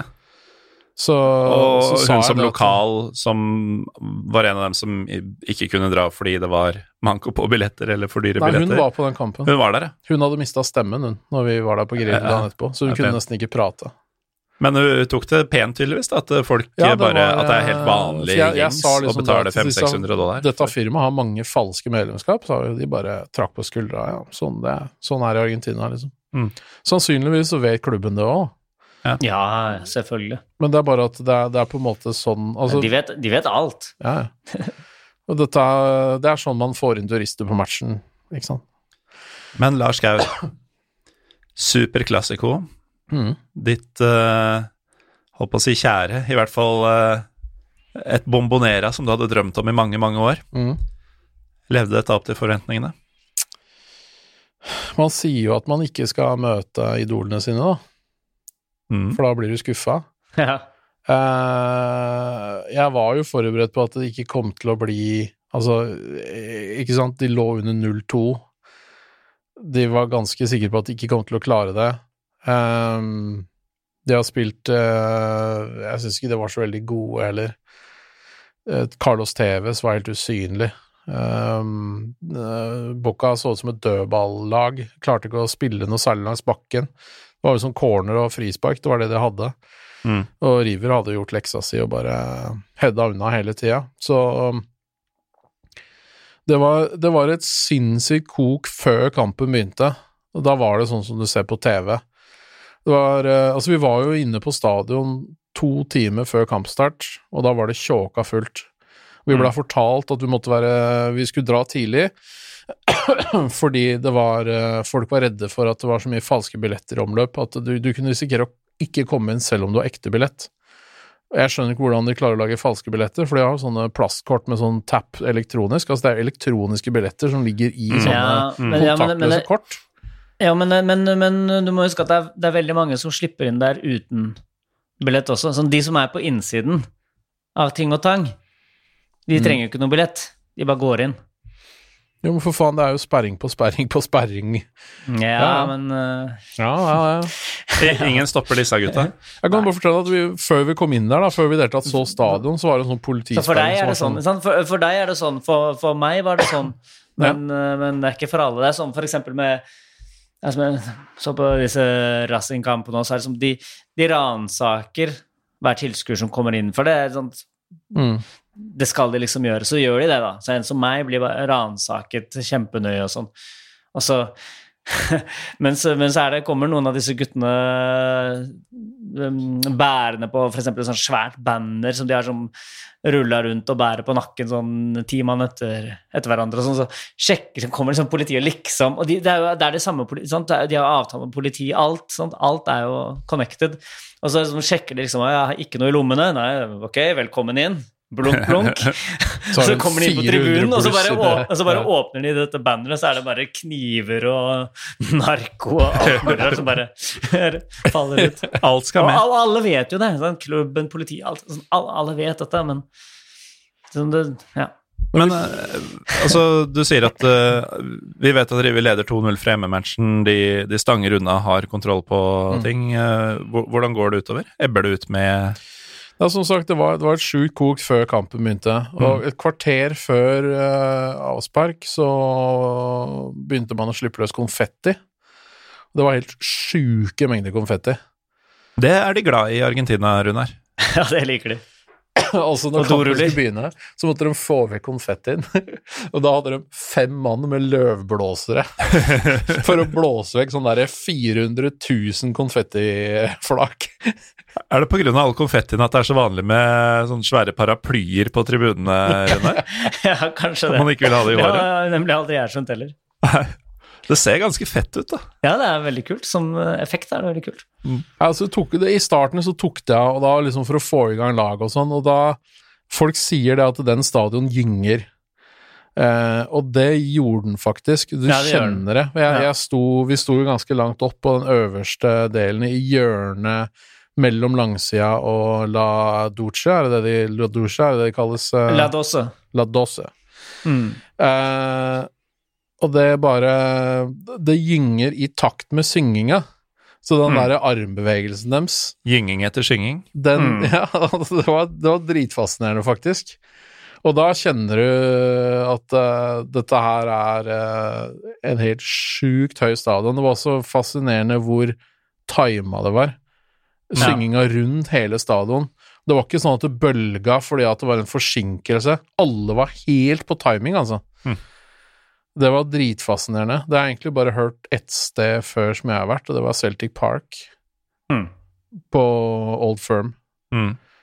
Um, så da blir det mye, mye kraftigere Ja, ja. når du får den derre sammengreia, liksom. Um, men det ebba ut fordi de spilte dritdårlig. Og var masse frustrasjon. Um, og uh, var litt sånn derre eh, stille i lange perioder, og bare uh, La Dorche, de klarte ikke å få i gang resten av stadion, selv om der var det jo kok, da, akkurat nede på den tribunen. Mm. Uh, I an mest da i andre etasje, for det er tre etasjer. Ja, og de er i andre etasje. Ja, vi Ja. var i tredje etasje, vi, på toppen. Mm. Og ja, for første og andre etasje er ståtribune på den siden. Mm. Altså tredje etasje er det da og stoler der. Så vi var i tredje etasje i svingen, så vi så liksom litt sånn Ja. skrått ned på de. Ja. Og det, Ved der var det, der var det ganske der. kok, altså. Mm. Også på nederste seksjonen, på kortsidene, så var Ja. det kok, for der er det sånn derre hver Der er det så tett. Når River skal legge corner så det, det, det er så jævlig trang, den banen, da. Det er Ja. nesten ikke noe plass mellom tribunen og, og dørlinja, omtrent. Ja. Det er Ja, det er kanskje på dørlinja er litt mer, men på langsidene Så det du, du I hvert fall den derre Veit du, du har den derre øh, på, på det ene langsida der, så er det en sånn der som ser ut som en sånn bygning, bare. ja. Hvor eh, Maradona har balkong, Ja. blant annet. Det er sånn balkonggreier. Og der ser det Mm. ut som at hvis du lener over kanten, så kan du ta på hodet på spillerne når de løper forbi. Så Mhm. nære Ja. er de. Ja. Så når River skal legge corner, så kommer jo politiet, tre politimenn med skjold for å dekke spilleren, mens alle bare pælmer ting og mm. klatrer opp på det der jævla nettinggjerdet for å prøve å gøgge ned i over skjolda. ja. det er bare Det er helt vilt, ass. Eh, og så Vi var jo lenge frustrasjon, og så etter åtte minutter så scorer eh, Boca, da. Og da tok det av skikkelig. Da var det mye håndbevegelser. Da var det mye håndbevegelser. Eh, og så var det Det var litt spesielt, fordi at de satte på en kar som Jeg veit ikke om han er argentiner, men han, eh, han var mørkhuda, så de kalte han Blackie. Ah, ok. Så var sånn derre Heia Blackie! Alle, alle begynte å rope det, liksom. Så bare sånn derre Ok. Det er ikke så uvanlig med mørkhuda spillere i argentinsk fotball, vil jeg tro. faen jeg hva greia var. Men uh, nei da, det var han som scora, da. Så han ble jo superhelt. Jeg mener det var han som scora. Mm. På sånn møljemål etter en Jeg tror det var etter et frispark. Det som i fotballklubben omtales som stygt mål. Ja, det var i hvert fall et ganske stygt mål, og sånn deflection og greier. Mm. Og så Og da pressa de, eller? Ja, de prøvde, men de hadde jo ikke De klarte fortsatt ikke noe særlig banespill. Så det ble mer at de fikk frispark i farlige posisjoner, og da, når de svingte inn ballen, så bare var det jævlig elektrisk. Og så Hedda River ut, og så ble det litt sånn ah, Mm. ikke sant? Men jeg fikk en liten taste av det koket, da, som det kan være der. Mm. Og det var faen meg Det var sjukt, altså. Ja. Virkelig. Så Og så ebba det ut, da. Så tapte de 1-2, så da blei det litt sånn Ja, sammenlagt. De vant Ja. kampen 1-0. De vant kampen Mm. 1-0, tapte 1-2 sammenlagt. Så er det sånn der, De tenkte kanskje at ok, de kunne vært verre, klappa spillerne av banen, men de er fortsatt skuffa, Ja. ikke sant. Ja. Hederlig innsats. Mm. En, en ting som slo meg, som gjorde meg litt mer nervøs før kampen for øvrig, det var at Bucca-spillerne de varma ikke opp inne på stadion. Nei vel? Det var bare Ja. River-spillere. Så jeg bare Shit, hva har skjedd nå, liksom? Hvor, er, hvor er hjemmelaget? Er det, er det et eller annet som skjer? Altså, de har sikkert varma opp på utsida eller noe sånt, da. Mens River-spillerne ble selvfølgelig bare bua ut jævlig massivt når de kom inn. Og så la det seg, og så fikk de varme opp mer eller mindre i fred. Jøss. Så rart. Det, det, jeg husker det som var egentlig ikke så vanlig at, de varmer, at noen lag varmer på banen. Nei, og De viser, de viser seg når de kommer inn for å spille, og, det, og da Jeg vet ikke om det er sånn fortsatt, men da kommer alltid bortelaget først. Men det, nå er det jo ikke borte bortefans lenger, eh, eller, men, men eh, bortelaget alltid kom først. Hjemmelaget ventet. Sånn, for, fordi bortelaget først skal kjenne at de er på bortebane. Ja. Sånn, De skal komme alene ut og bare få en sånn enorm eh, pipekonsert, og så kommer hjemmelaget og Det er mulig at det var litt annerledes i og med at det var Libertadores. Kampen Ja, det, det kan være, kanskje. Rett før kampen så var det også et helt gigantisk fyrverkeri som gikk av fra det taket på den der eh, langsida med de der eh, losjene, Ja. Mm. som pågikk i sånne fem minutter, hvor det bare strønna noe inn i granskauen, og alle bare var liksom helt med, da. Nå begynner eh, både klokke å bli mye og batteritid eh, å bli lite på, på utstyret vårt her, så vi må begynne å runde av. Men eh, Lars, du har jo hatt eh, Er det tidenes fotballtur, eller? Ja, det må jo være det. I hvert fall når det ligger til ta Maracana, Ola Bombonera, blant annet, da. Ja. Ja. Altså, hvis jeg har telt riktig her, så har du fått, fått med deg fire Derbys i Sør-Amerika på to uker, i to land. Du har fått med deg de to stadionene du nevner. Du har uh, fått med deg uh, dette stadionet til Vasco da Gama. To ganger. To ganger. Og um, vi, vi har knapt fått tid til å snakke om ting rundt. Altså, jeg antar at du både har spist og drikket godt. Spist biff. Ja, det ble litt kjøtt. Vi, vi sleit med å bruke opp pengene i Buenos Aires, for der må du veksle Du kan ikke bruke kort. Eh, Da blir det masse oppstyr med at du må vise pass og registrere masse greier og sånn, for de har sånne restriksjoner på pengebruk fordi landet er i økonomisk krise. Ja, har, så minibanker er vanskelig å ja, det kan du bare drite i. Du Mm. må ha med dollar og veksle i sånn der eh, vekslingssted. Og det må være dollar. Ja, du sikkert euro, og det tar være. sikkert mye annet òg, men jeg hadde med dollar.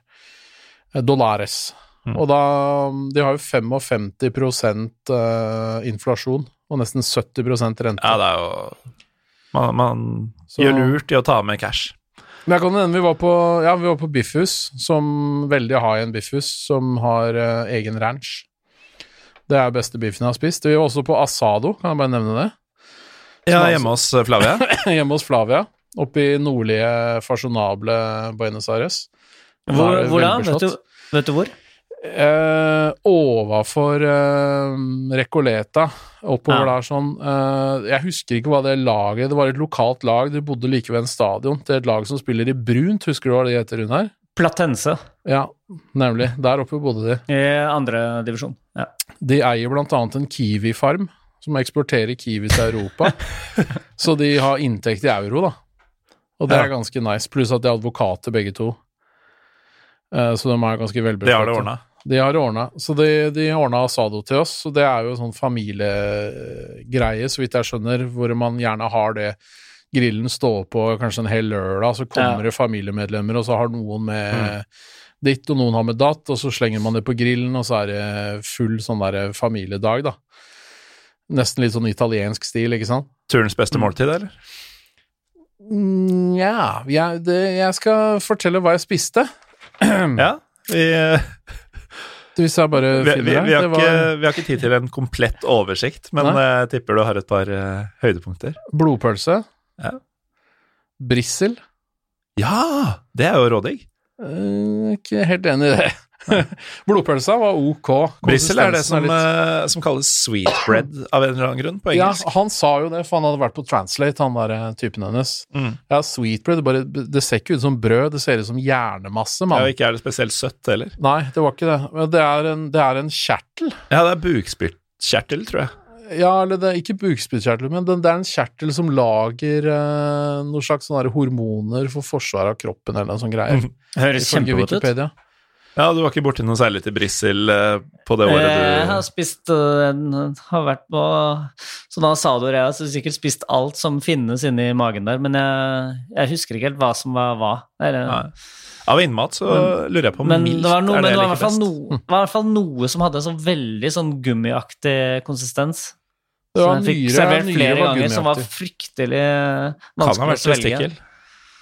Mm, ja, kanskje, kanskje nyre, ja. For Vi spiste nyre, og den var litt gummiaktig, veldig mørk, Ja. med sånne hvite chunks.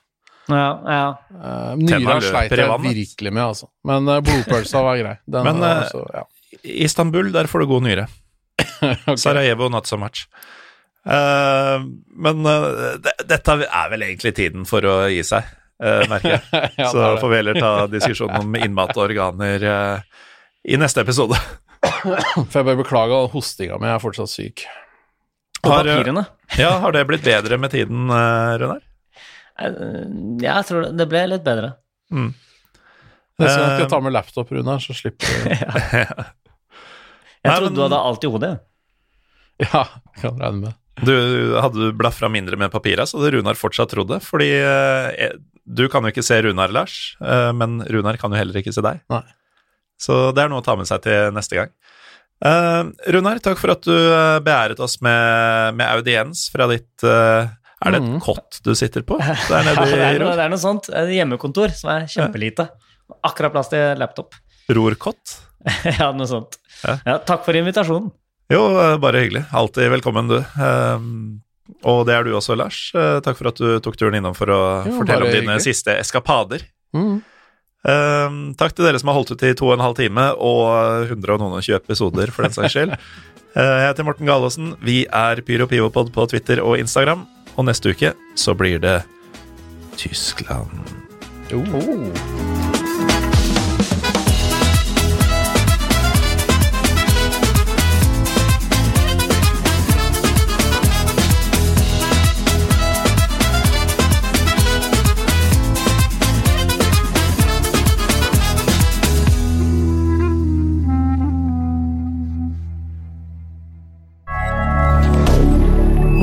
Moderne media.